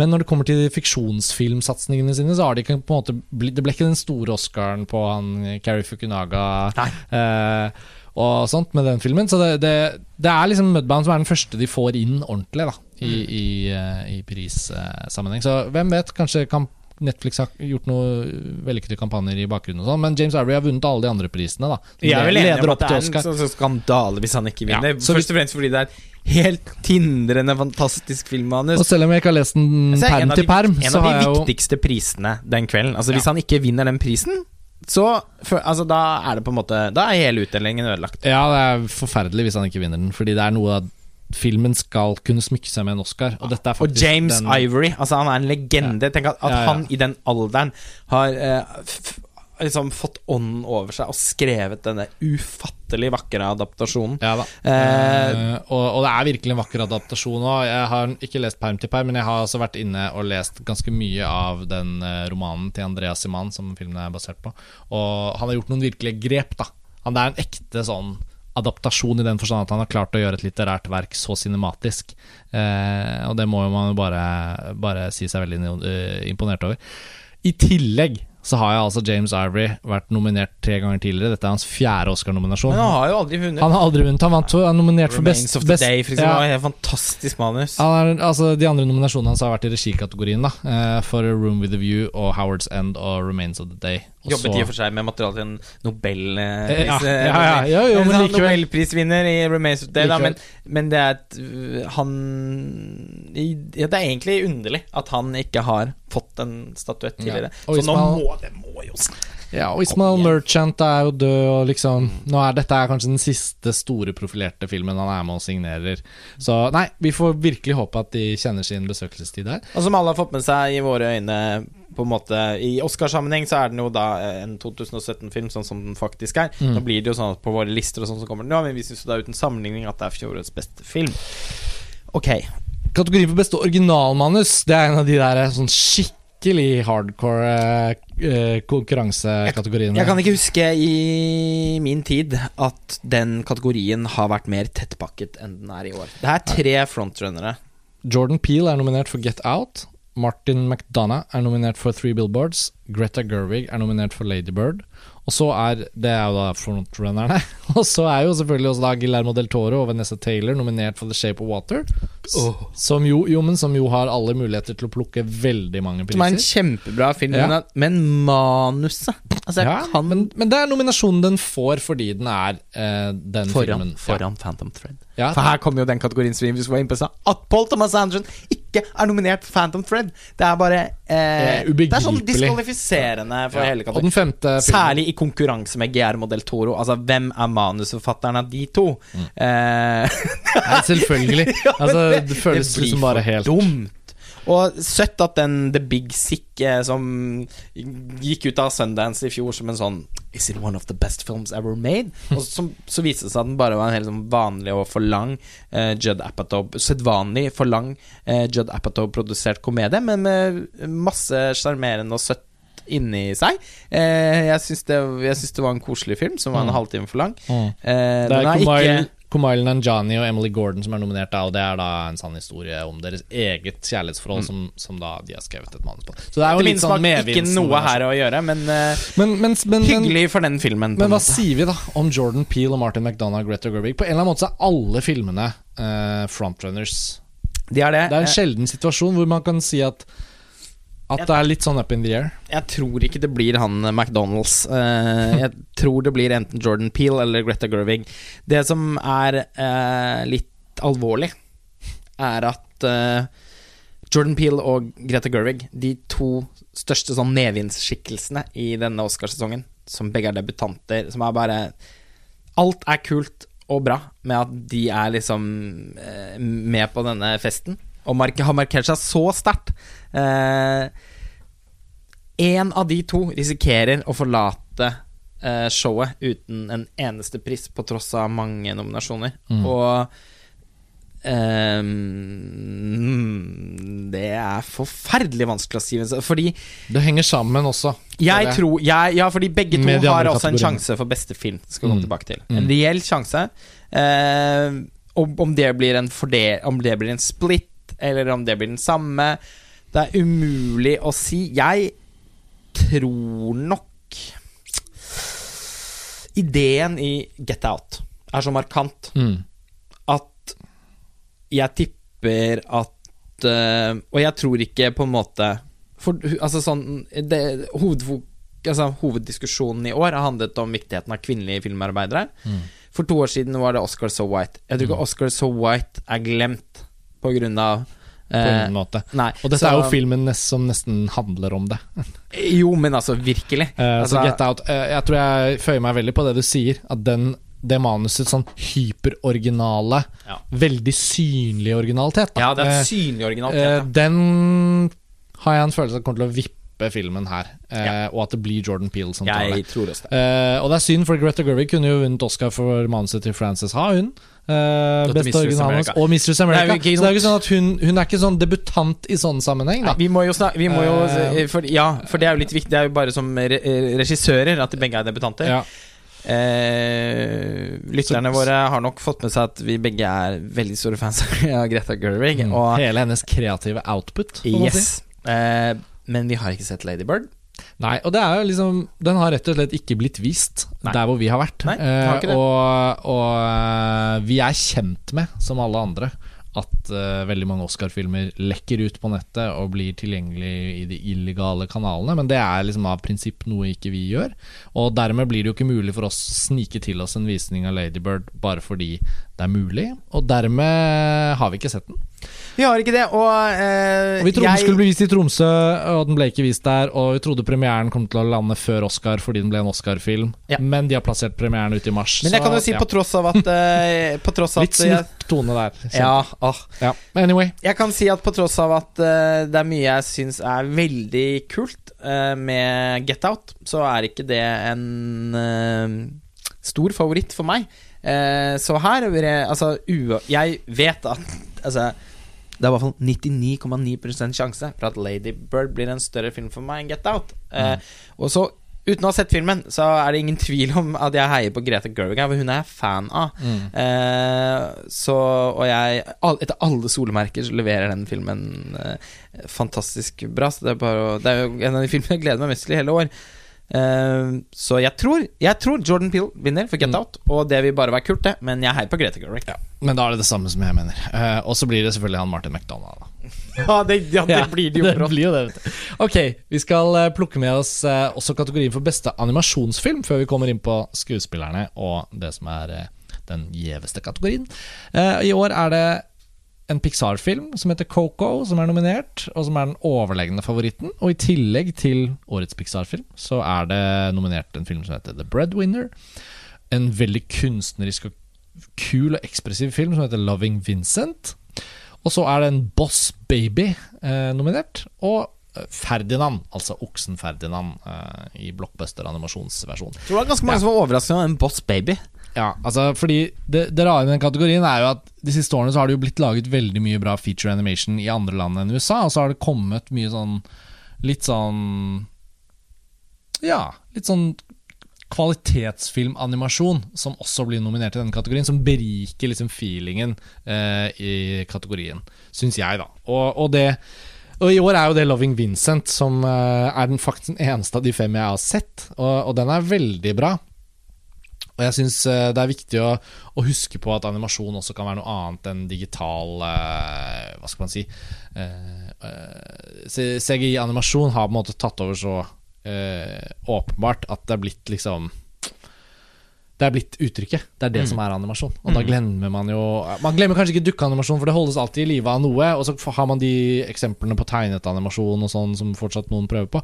Men en film som er animert med oljemalerier, det var litt nytt. Ja. Og, og den etteraper jo stilen til Vincent van Gogh, som er, eh, som er i sentrum for handlingen, selvfølgelig. Så den hadde det jo vært kult om vant. Og når det er den eneste jeg har sett, så må jeg jo liksom håpe litt på den. Men alle sier jo at Coco er en ny glimrende Pixar-film. Ja, Så vi vet jo at det er den som vinner, fordi det er så åpenbart. Det er bare Berlinalen som har sørget for at jeg ennå ikke har fått gitt meg i kast med Coco. Ja, for da den hadde jo premiere nå like Ja, før vi Så jeg, jeg gleder meg kjempemye til å se Ja. den. Uh, ja, det er jo bare å Her kan vi jo, fordi vi har sett så lite, så kan vi ikke Nei, si hva er vi, kanskje ikke hva vi ønsker, men Nei. alt ligger an til all, Etter alle solmerker, da, så er det Coco som blir uh, vinneren. Jeg reagerer jo på at den japanske filmen Your Name Jeg er usikker på om den på en måte skulle blitt nominert i fjor, eller i år. Mm. De reglene husker jeg ikke helt. Nei. Eh, jeg syns uansett at det er ganske hårreisende at den ikke er den største japanske animasjonssuksessen siden Shiro og heksene. Eh, in, tungt kritikerrost over hele verden. Hvordan de liksom har kommet seg rundt den, det syns jeg er relativt forbløffende. Altså, Boss Baby.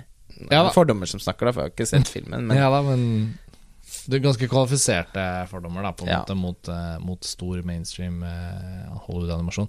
Um, Løvetannbarn òg, ja. Ja, men jeg lurer Jeg skulle bare til å sjekke. Ja, det var det jeg husket. Uh, en film som 'Løvetannbarn' var jo da faktisk nominert i fjor. Mm. Men som er som en eh, 2017-film for oss. Men den, ja. den er fra det kjente Cannes-året, 2016. Yes. Den var nominert i fjor. Ja. Så- husker jeg faktisk at vi diskuterte Ja, vi gjorde det Vi gjorde det, vi gjorde det. Jeg måtte bare spole litt tilbake. Ok, men la oss gå videre, da. For nå kommer vi jo til skuespillerkategoriene. Og vi skal starte med mm, birollene. Beste kvinnelige birolle. Der har vi Alison Janney for I, Tonya. Laurie Metcalf for eh, Lady Bird. Octavia Spencer for The Shape of Water. Mary J. Blige for Mudbound. Og Leslie Manville for Phantom Thread. Mm, en kategori som eh, begynte som en av de mer avklarte denne sesongen. Nemlig Alison Janey for sin fantastisk morsomme eh, tolkning av Lavona Harding i I, Tonya. Ehm, og hun er jo av de skuespillerne som er nominert her i år, så er det vel hun og eventuelt faktisk Leslie Manville som kan regnes for å være litt sånn overdue. Altså, Alison Janey, hvor nydelig har ikke hun vært i hvor mange filmer? Film etter film. Ja, og hun har liksom aldri helt fått den plassen i solen som hun fortjener. Uh, hun er jeg tror hun har vunnet noen Emmys Ja da, Uh, men på sånn grunn av West Wing og sånn. På grunn av West ja. Wing, så, så i TV-en selvfølgelig, men eh, jeg, altså, hun har på en måte aldri helt blitt en sånn superstjerne i filmverden. Mm. Selv om hun er en skuespiller innmari mange er glad i. Og Altså, jeg syns hun er helt rå, jeg, i den I, Og det er en rolle jeg ser hvordan man liksom kan kritisere at den liksom både kan sies å være litt sånn overspilt eller karikert. Eh, veldig sånn rollete rolle. Men jeg tror ikke det er sant, jeg skjønner du. Jeg tror, altså, jeg tror det er helt real. Altså, jeg, det, jeg har sett noen klipp med hun faktiske moren, da. Så det er ikke overdrevet. Nei. og, det, og, og pluss at jeg, jeg er jo ikke en Jeg kan ha kjempestore problemer med f.eks. da Meryl Streep i The Iron Lady. Wow, Eller Julia Julia. Eller Julia Ja, Eller Mamma Mia. Oh, ikke snakk. Så eh, det er ikke Synd, synd at The Post ikke er favoritt, da, men det kan vi komme tilbake til. Ja. Ja. Men det er noe med at eh, det- Oi, god komedie. Altså det å gjøre en eh, rollefigur så morsom og livaktig, og på en måte til en sånn scenetyv som Alison Janey gjør i I, Tonya, uten at det tipper over. Uten at det liksom faktene blir for tåpelige eller over. Det er bare sånn helt perfekt spilt. Eh, favoritt har vært virkelig en frontrunner. Er det litt fortsatt? Eh, helt klart eh, min favoritt i kategorien. De andre nominerte er Laurie Metcalf for Ladybird, som også var ansett for å være en frontrunner. Egentlig sånn nesten på lik, lik linje med Alison Janey i begynnelsen av Oscar-racet. Men Ja. Ja, altså, det, det virker jo som de er, har vært litt sånn neck and neck på Elite. mange områder. Mm. Eh, Det er bare det at Jenny Janey har vunnet alle prisene. Det merkeligste for meg er nominasjonen til Octavia Spencer fra Shape of Water, som jeg bare ikke Den skjønner. er helt ubegripelig. Eh, Hun har spilt den samme vaskekona, eh, litt sånn Ja, rappkjefta vaskekona, i film. Kan ikke være så kult for henne at hun skulle bli castet i den rollen eneste gang. Det var så tøft i Snowpiercer når hun dukket opp i en litt annen type ja, det var herlig. Det var inspirert casting, apropos det. Um, Mary J. Blige i Mudbound Hun gjør en veldig fin, veldig sober og nesten litt sånn forsvinnende birolle. Så det er nesten rart at hun ble nominert. Kanskje, kanskje litt fint, på sett og vis. Så var det jo sykt gledelig når man endelig fikk sett Phantom Thread, da vi eh, nå nylig en vidunderlig skuespiller. Som er- nominert. Ja. Hvis tause autoritet i den filmen er noe av det aller kosteligste med Phantom Fred. Hvis hun vinner, så er jeg glad. Ja. da er jeg på en måte like glad som hvis Hun er også gift med Gary Oldman, så det er jo morsomt at Ja, deres ja. felles barn har da to foreldre. Som Ja, det er herlig. Eh, Um, ja, nei, men jeg tror uh, også jeg, Men Octavia Spencer Altså, det er på en måte Jeg syns det er en fornærmelse også mot henne, fordi eh, Jeg kan ikke fatte Altså, hun, hun er jo en veldig sånn herlig altså, Skjønn, karismatisk Mm. typete skuespiller. Hvorfor kan hun ikke få andre, mer utfordrende Ja. roller? Hun har jo allerede ikke bare vært nominert, hun har vunnet for Mm. Ja, denne ja. rollen tidligere. Ja. Eh, jeg syns det er noe av det dårligste med Phantom Thread. Som jeg uh, igjen Nå høres det ut som jeg alltid ikke liker den filmen. Det er ikke sant, jeg syns det er en kjempebra film. Ikke Phantom Thread, men Shape of Water. Jeg mener Shape of Water, unnskyld. mm. Eh, jeg syns jo typecastingen av henne eh, Og Michael Shannon. og Michael Shannon er liksom det svakeste med Shape of Water. Og Richard Jenkins. Faktisk, dessverre. Dessverre. Han Altså, han er den beste av de tre, da. Ja, det er han. Mm. Men det er litt fordi han er Richard.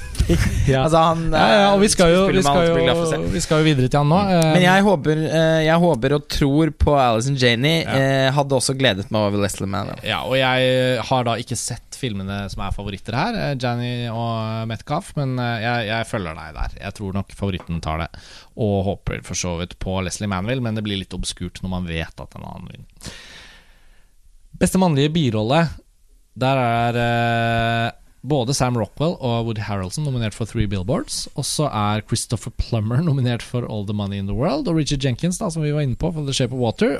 Og til slutt også Willem Dafoe da, for The Florida Project. En film som vi alle håpet at skulle få flere nominasjoner enn en Willem Dafoe, men det var i hvert fall han man var sikker på at kom til å bli nominert. Og det går jo også på den forrige kategorien, at selv om hun på mange måter er hovedrollen i The Florida Project, så hadde det vært For det er jo litt en ensemblefilm på sett og vis, så hadde det vært så sykt nydelig om hun Brooklyn Prince hadde fått en nominasjon for beste kvinnelige birolle. Ja, men, Eh, når hun Kiwanzi Wallace Ja da, jeg vet, men når hun fra Beats of the- Beasts Ja, Southern ja. Wild ble nominert den gangen, så tenker jeg Hvordan kan man ikke nominere, nominere denne fantastisk eh, fine rolleprestasjonen til barnet Brooklyn Prince? ja, det er utrolig leit. Hun er helt eh, Og her syns jeg også Sean hadde- Baker og, og han Chris Burgock kunne vært nominert for beste originalmanus. Selvfølgelig! Ja, altså, men det så- var jo forventet òg. Ja, jeg vet, så det er veldig synd. mye mindre enn det man hadde Og den går på kino nå, så hvis de som hører på har lyst til å se en, en, en litt sånn underdog fra Oscar-året, som nesten ikke får noe profilering på Oscar Vi har også uh, spilt- Florida Project. Ja, Vi har også spilt inn en egen podkast om den Ja, fra fin episode. eh, Tromsø i Da år. var ikke jeg med. Det Ingen tvil eh, om da at bla, Altså, dette er også en litt en kategori som på en måte er litt sånn egentlig eh, kansellert. Fordi at verken Army Hammer eller Michael Stuhlberg er nominert for eh, Call Me By Name. Og jeg kan ikke Jeg kan bare ikke fatte eller begripe det. Nei, det er utrolig. Og i hvert fall Stuhlberg, som da også spiller i The Post, og også spiller i The Shape of Water. Så på en måte eh, Han hadde jo en trippel bonanza synlighet når det kom til eh, kvalitetsbiroller, og åpenbart kom bare den beste av de tre, da. Eh, og alle Altså, regnet faktisk sånn, med at han kom til å bli nominert. nominert. scenen med han og sønnen mot slutten av filmen, Mm. er jo en sånn scene som i seg selv pleide å være nok til at du vant prisen. Ja. Ta Judy Dench Shakespeare in Love.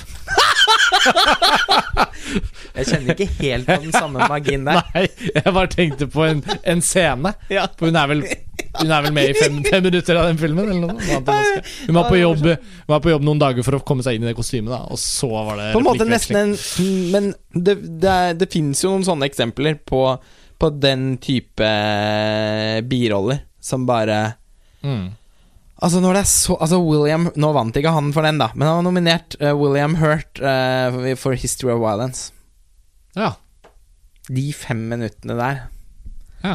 ja det var Jesus, Det Joey! var et morsomt eksempel, ja. Altså, hvor bra er ikke de?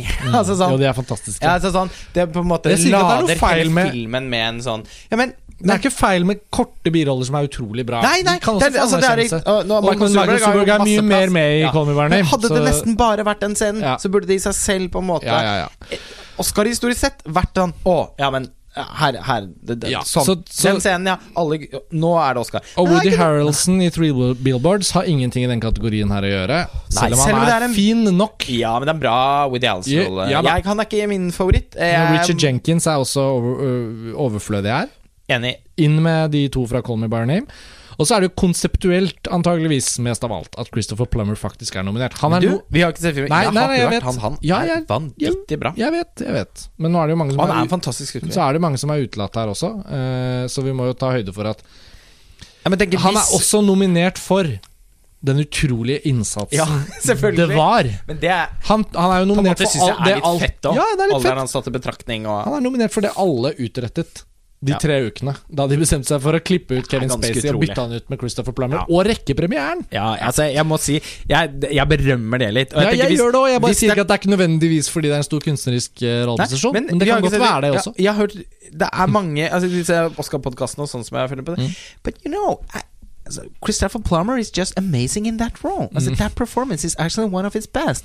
It's altså, sånn, Så jeg vet ikke. det- det- Den må ses. Jeg tenker at som deg, Richard Jenkins vekk. Harrison vekk.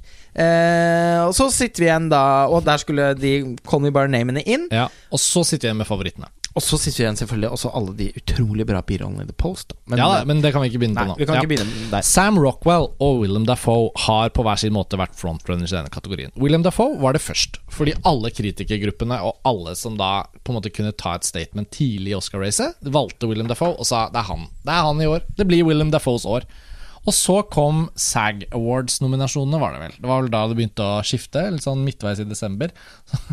Å ja, det er Sam Rockwell for Three Billboards. Han begynner jo liksom nå å få veldig mye oppmerksomhet. Og siden da så har han egentlig vunnet alt. Eh, Golden Globe, SAG, BAFTA. All statistikk tilsier at Sam Rockwell skal vinne denne prisen. Uh, jeg håper naturligvis, holdt jeg på å si, at det blir Willem Dafoe. Og eh, jeg tar en sånn No Guts, No Glory til, jeg. Og, og tror at det blir Willem Dafoe. Ja. Dette er en kategori hvor det ofte kan skje litt morsomme ting. Det kan det.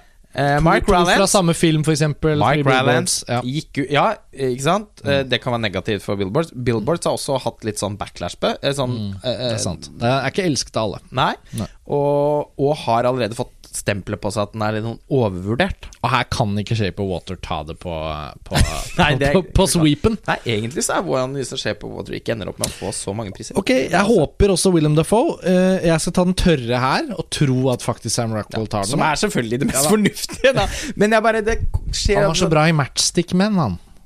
Ja, han er kjempebra. i Jeg liker han godt. Men uh, jeg, jeg har alltid likt Sam Rockwell. Jeg, men hmm. Det er bare ikke Filmen er ikke det store for meg, og eh, han rammes litt av det. Pluss at jeg Jeg husker at jeg syntes at jeg, jeg, jeg syntes at hans rolleprestasjon var altså virkelig god da jeg så filmen, men det har ikke gjort noe sånn virkelig inntrykk på meg. Eh, Vi så jo denne I motsetning til William Dafoe, da, som man får bare lyst til å hoppe inn i lerretet og gi han en kjempehard klem. Ja. Hard klem er. Ja. Eh, ikke helt det samme man tenkte etter Antichrist, men eh, skal vi, skal videre til, til eh, de hovedrollekategoriene. Nå er det bare fire kategorier igjen Men hva tenkte du etter Speed 2? ja. Da tenkte jeg at den cruiseskipet kom, kom ut av lerretet litt for fort. Ja. For min smak. Ja, Da hadde kjørt inn i den karibi karibiske byen, var det ikke det? Jo, det er helt utrolig. Og Speed 2. Cruise Control. Ok, eh, beste kvinnelige hovedrolle. Frances McDormand, Three Billboards. Cersei Ronan for Ladybird. Sally Hawkins for The Shape of Water. Margaret Robbie for I, Tonya. Og Meryl Streep for The Post.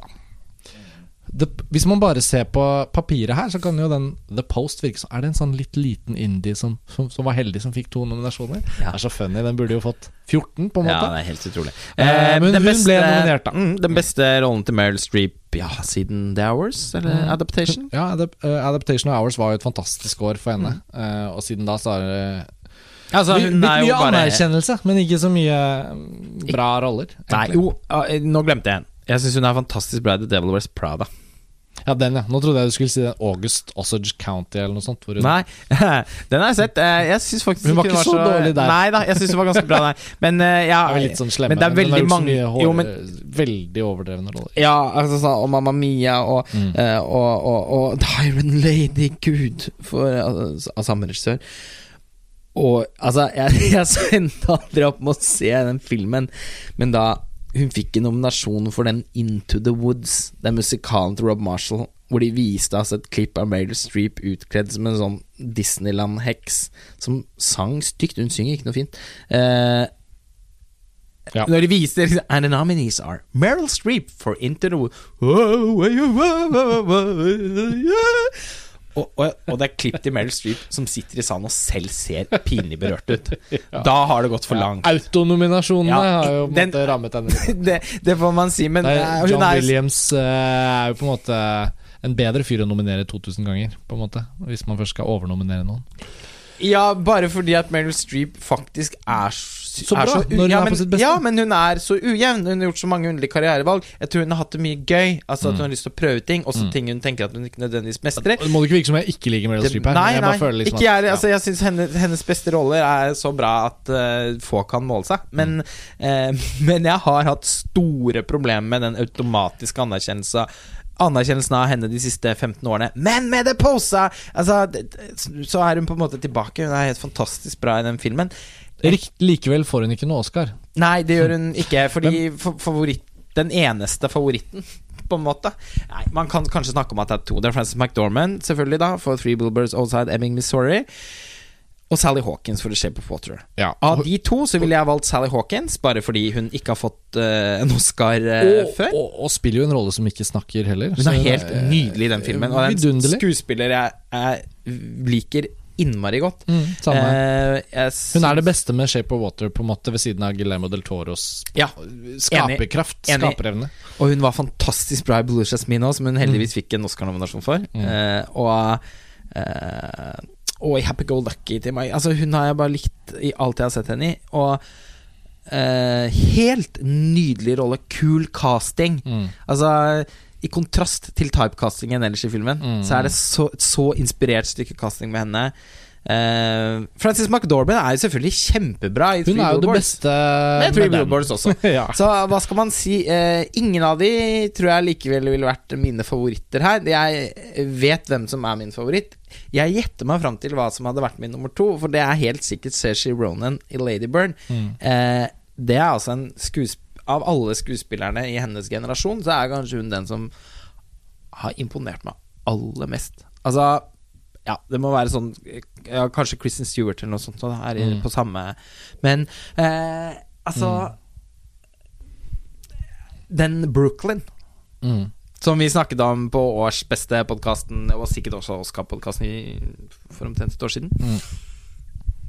Ja, altså den Hennes rolleprestasjon i den filmen var altså så elektrisk Mm. at uh, Det er vel, altså, nå er hun vel nominert for tredje gang. Ja, 23 ja. år gammel. Ja, det er helt utrolig. Altså, det kan ikke være mange i liksom, nyere Oscar-historie som kan matche det. Kan fort bli liksom uh, Amy Adams-fenomenet. Det bare nomineres og nomineres og nomineres. Ja, Jeg frykter det litt òg. på en måte. Det er bedre enn å ikke bli nominert. Nei, selvfølgelig. For å repetere det, vi har jo ikke sett Lady Bird. Ronan Så sier dette her bare er utrolig kult uansett, men hun var oppsiktsvekkende selvfølgelig i Atonement som tolvåring. ja, og Du var jo også dødsbra i Grand Budapest Hotel. Ja, kjempebra. Eh, så det må også sies. Men jeg vet jo at Men i Brooklyn din så var Der følte jeg sånn Ja, Uh, Denne rollepresentasjonen er så svimlende sterk at uh, liksom hele filmen Hun var hele filmen. mm, Og jeg hadde ikke kunnet gitt den filmen noe mindre enn høyeste karakter, bare fordi jeg ble helt knust av å se den. Og det handlet nesten bare om hennes rolleprestasjon. mm, mm. Uh, Når det er sagt, når det er sagt.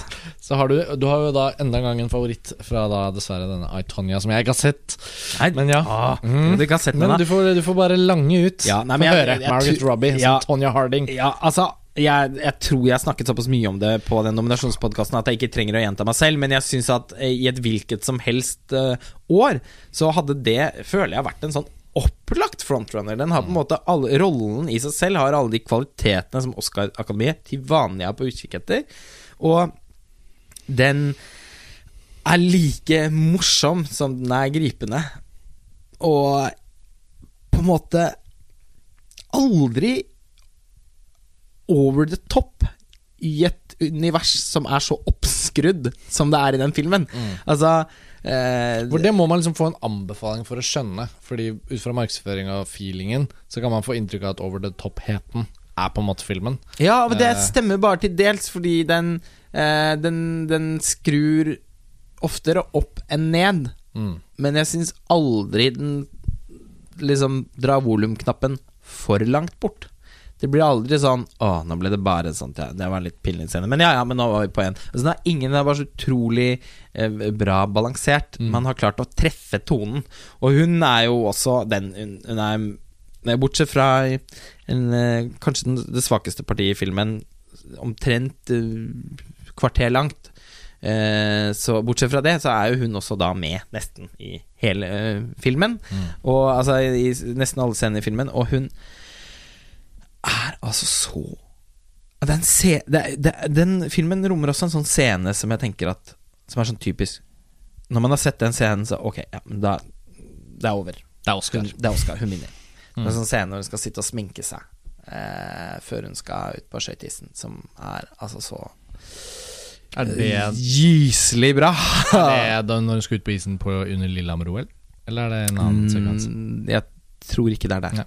Fordi Men, altså eh, nei, jeg tror ikke det. jeg, eh, jeg har som sagt ikke sett den, men eh, vi snakket litt om det her for forrige uke, tror jeg det var. At liksom, kan en av grunnene til at ikke så mange i Norge har sett den ennå, være at de ikke skjønner at dette er biografifilmen om kunstløpersken Tonja Harding fra Lillehammer-OL, som måtte få be om å få gå om igjen fordi lissen hadde røket, og som hadde uh, vært involvert i en situasjon i forkant hvor Nancy Carrigan, den andre amerikanske deltakeren, hadde blitt slått med stålrør på beina og sånn. Altså, for alle husker denne historien fra Lillehammer-OL, men jeg tror ikke folk skjønner at denne I, Tanya faktisk er filmen om henne. Fordi Altså, det, er jo noe av grunnen til å glede seg. Ja, men det er en katastrofe at distributøren ikke har skjønt at man må kalle denne filmen I, Tony Harding på norsk. Mm. Uh, Bare for å understreke, for det navnet men husker vanlige folk som husker dette I, altså, Tony Harding kjempe, går jo forbi den plakaten på kino og klarer jo ikke å koble de tingene til hverandre. Det er jo ikke Og det er jo ikke en kunstløpsskøyte sånn in your face på plakaten. Nei, så det er jo ikke det. ikke Så det er jo på en måte veldig sørgelig. Det er en Mm. film som så å si alle ville hatt kjempestor eh, glede av. Margot Robbie er den er liksom Men det er Ja, men Alison Jane også sånn, Det er så mye som er så herlig og energirikt og bra og, og kult med den filmen. Altså, jeg syns jo biopic-sjangeren, som jeg normalt syns er så trasig, har hatt, veldig, har hatt en veldig kul sesong med både Disaster Artist og I, Tonya, som evner å rette et ikke for sånn ærefryktig blikk på hovedpersonene sine. Det handler selvfølgelig om hvilke hovedpersoner det er, da. Uh, de, men det er litt sånn skranglete ved de to filmene, og uh, de har det virkelig også til felles at det er to skuespillere som går sånn all in, Mm. og som er veldig mye, men som likevel aldri bryter ut av universet på en måte som blir dårlig. Mm. Og det å kunne skru så høyt opp, men likevel ikke gjøre at du føler at du har mistet tørselen når du går ut, på en måte, det er en Ja. kunst. Eh, så Og Margot Så hvor lander vi, for å bare oppsummere her, da? Jeg har ikke så mange refleksjoner fordi jeg da ikke har sett eh, disse to uh, filmene. Jeg syns jo Meryl Streep er veldig, veldig bra, så det er jo sånn fem antageligvis veldig bra uh, nominerte, Ja tross alt. Uh, tross alt. Frances McDormand har jo endt opp med å bli litt som frontrunner, ikke minst fordi Three Billboards er jo jevnt over en frontrunner i mange kategorier fordi den har gjort det veldig bra, blant annet eh, ja, hos skuespillere. Og den gjorde det også veldig bra på BAFTA, så det betyr at mange av de britene som også er eh, medlemmer, eh, de ville gitt sin stemme eh, til eh, den. Så det er på en måte eh, Jeg tenker at hun, hun er en slags favoritt, men jeg håper at denne kategorien kan være en av de hvor det, hvor det skjer noe, da. Hvor Sally Hawkins Det er kanskje ikke så overraskende hvis hun får den, men hvis Margaret Robbie for eksempel hadde tatt den, eller hvis liksom, jeg vet ikke, Saoirse Ronan eller det, Jeg liker ikke å tenke at den er helt locked. Nei, men altså, jeg Eh, synes jo Margot Robbie hadde jo, er den opplagte frontrunneren her, Mm. bare basert på prestasjonene. Det er sånne typer roller som Mm. pleier å vinne. Det er en Mm. veldig sånn stor Mm. skuespillerprestasjon. så det blir, det blir jo litt spennende, da, eh, at denne kategorien Men det er- helt sånn, Men ja. eh, det er 80 sannsynlig at Frances McDormand tar Det den. er det. Jeg eh, håper på Margot Robbie, men tror på Frances Ja, McDormand. jeg får liksom håpe på Sally Hawkins, jeg, Ja, kult. og de tre jeg har sett. Og så får jeg tro at da Frances McDormand tar den. Um, vi skal gå litt fortere mot slutten her, da. Som vanlig. Meste mannlige hovedrolle. Eh, De nominerte er Gary Oldman for Darkest Hour, Timothy Chalamet for Call Me By Your Name, Daniel Kaluuya for Get Out, Kaluuya, Daniel Day-Lewis for Phantom Thread og Denzel Washington for Roman Israel Esquire. Altså, Daniel Kaluuya og Denzel Washington Uh, Denzels film har jeg ikke sett. Daniel Kaluuya er, kommer ikke til å vinne den prisen. eh, og Daniel Day-Lewis, som gjør en fenomenal rolleprestasjon, igjen, i Phantom Thread. Han får nok ikke Oscar, eh, så da Han har jo tre fra før. ja, han, har- han, er, han har mange på Han har dekka opp på hylla der. Og så er det jo årets vidunderlig fantastiske gjennombrudd, Timothy Chalamet i Call Me By Your Name, som jeg håper eh, vinner denne Oscaren.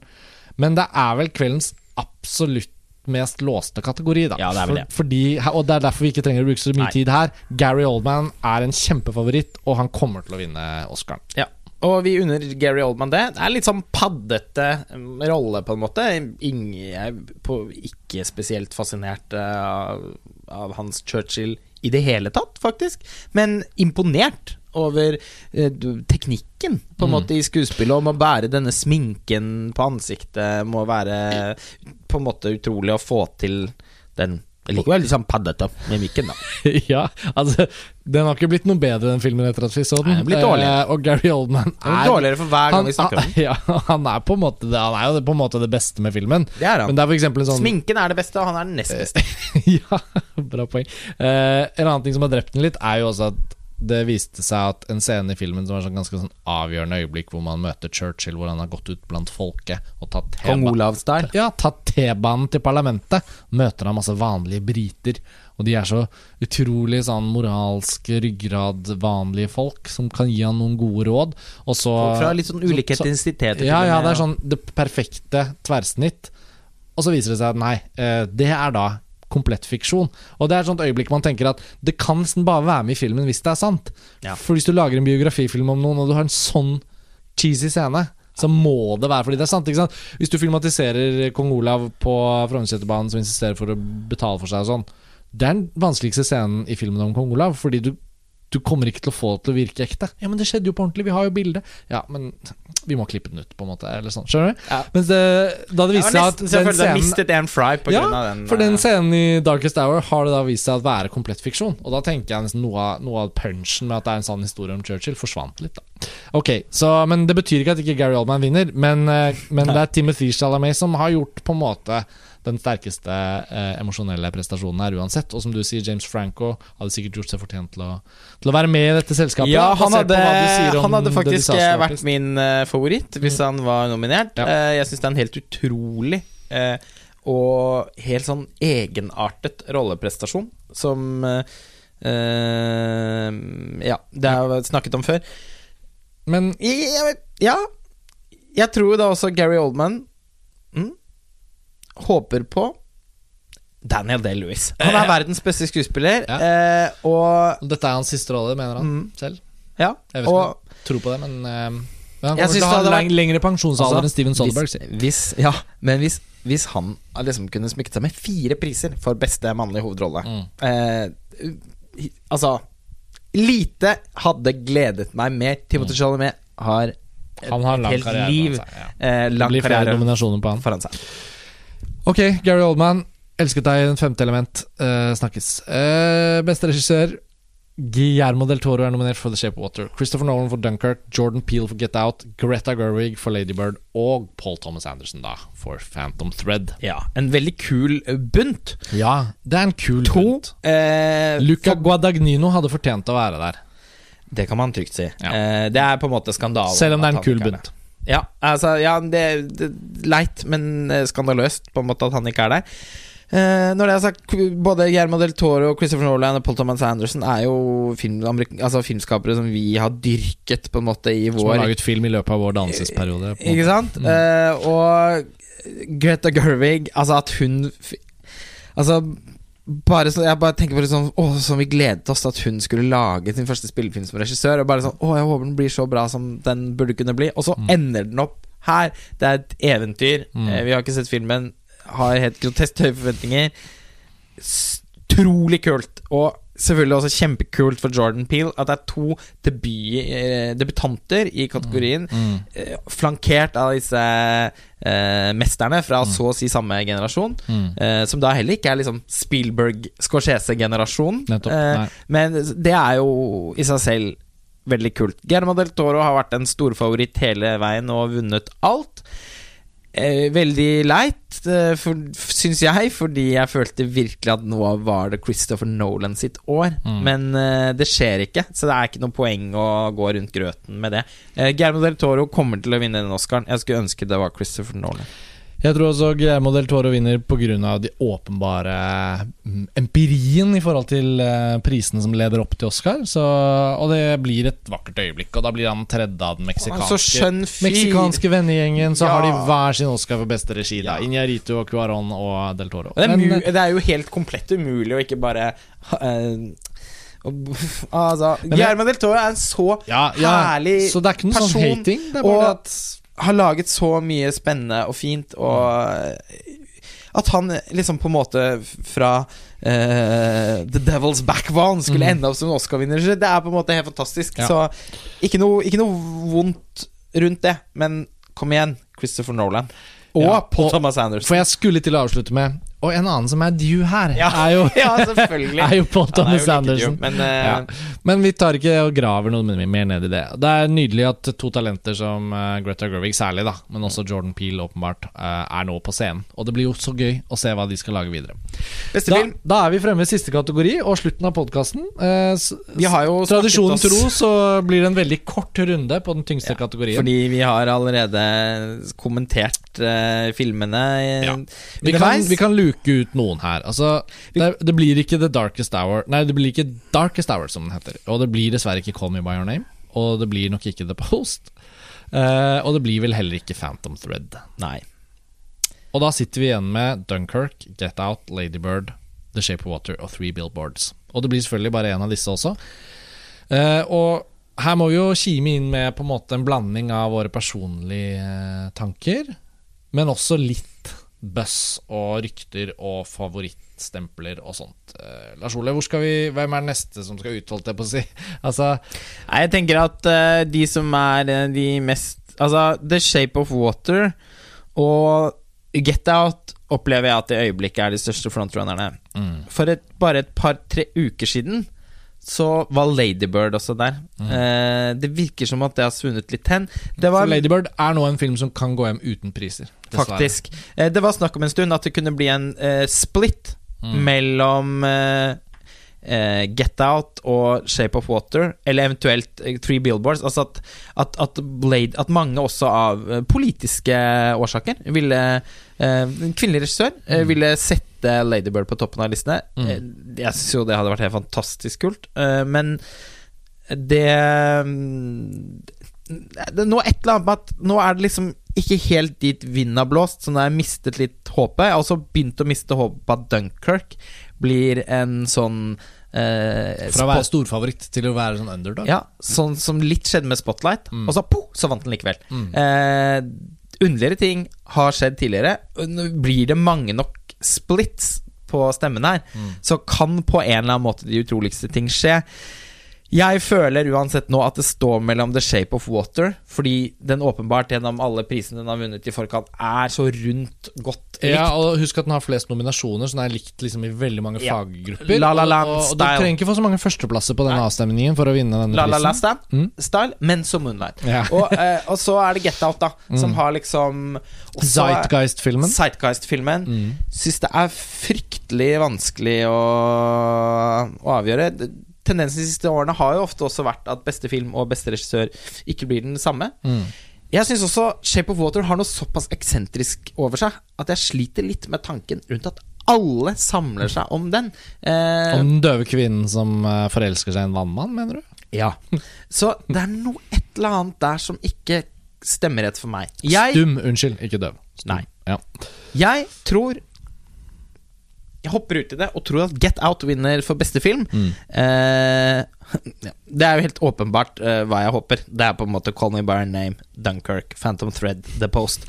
Eh, men, eh, men ja, men jeg tror det blir Get Out. Ja. Ja, altså jeg, jeg håper selvfølgelig også på Call Me By Your Name, men eh, jeg, jeg følger deg litt på den eh, Dessverre. Litt kjedelig, men jeg gjør det. Eh, jeg tror faktisk Get Out tar den. Fordi det, jeg tror de ønsker seg et ekte øyeblikk. Jeg tror mange kommer til å vippe den opp. Eh, I Tromsø så intervjuet jeg Asif Kapadia, regissøren av Amy, som vant Oscar for den, og som er medlem og som skal stemme. Og for han var det på en måte åpenbart. But get out, man. That was the best. That's the best for me. That's the really That's the cool. Altså, det er ganske mange av dem, da. Så, så det skal den filmen ha. Og, og jeg håper da på en måte at hvis det skulle være noe annet som skjer, så hadde det jo vært så fantastisk om Ladybird bare vært litt inn. eh, Og tok den prisen, Å og ha Saoirse Ronan, Greta Gerwig og hele gjengen der oppe på scenen. Det hadde vært fantastisk. Ja. All right, dere. Det var årets um, spådomspodkast om Oscarprisene 2018 fra filmåret 2017. Um, vi, vi kommer ikke til å lage noen podkast om vinnerne og sånt, så, så dere får får diskutere prisen under denne podkastens tråd ute på montasje. Og så takker vi igjen for at dere hører på eh, Filmfrelst. Vi er snart tilbake. Vi er snart tilbake. Ha det bra. Ha det bra.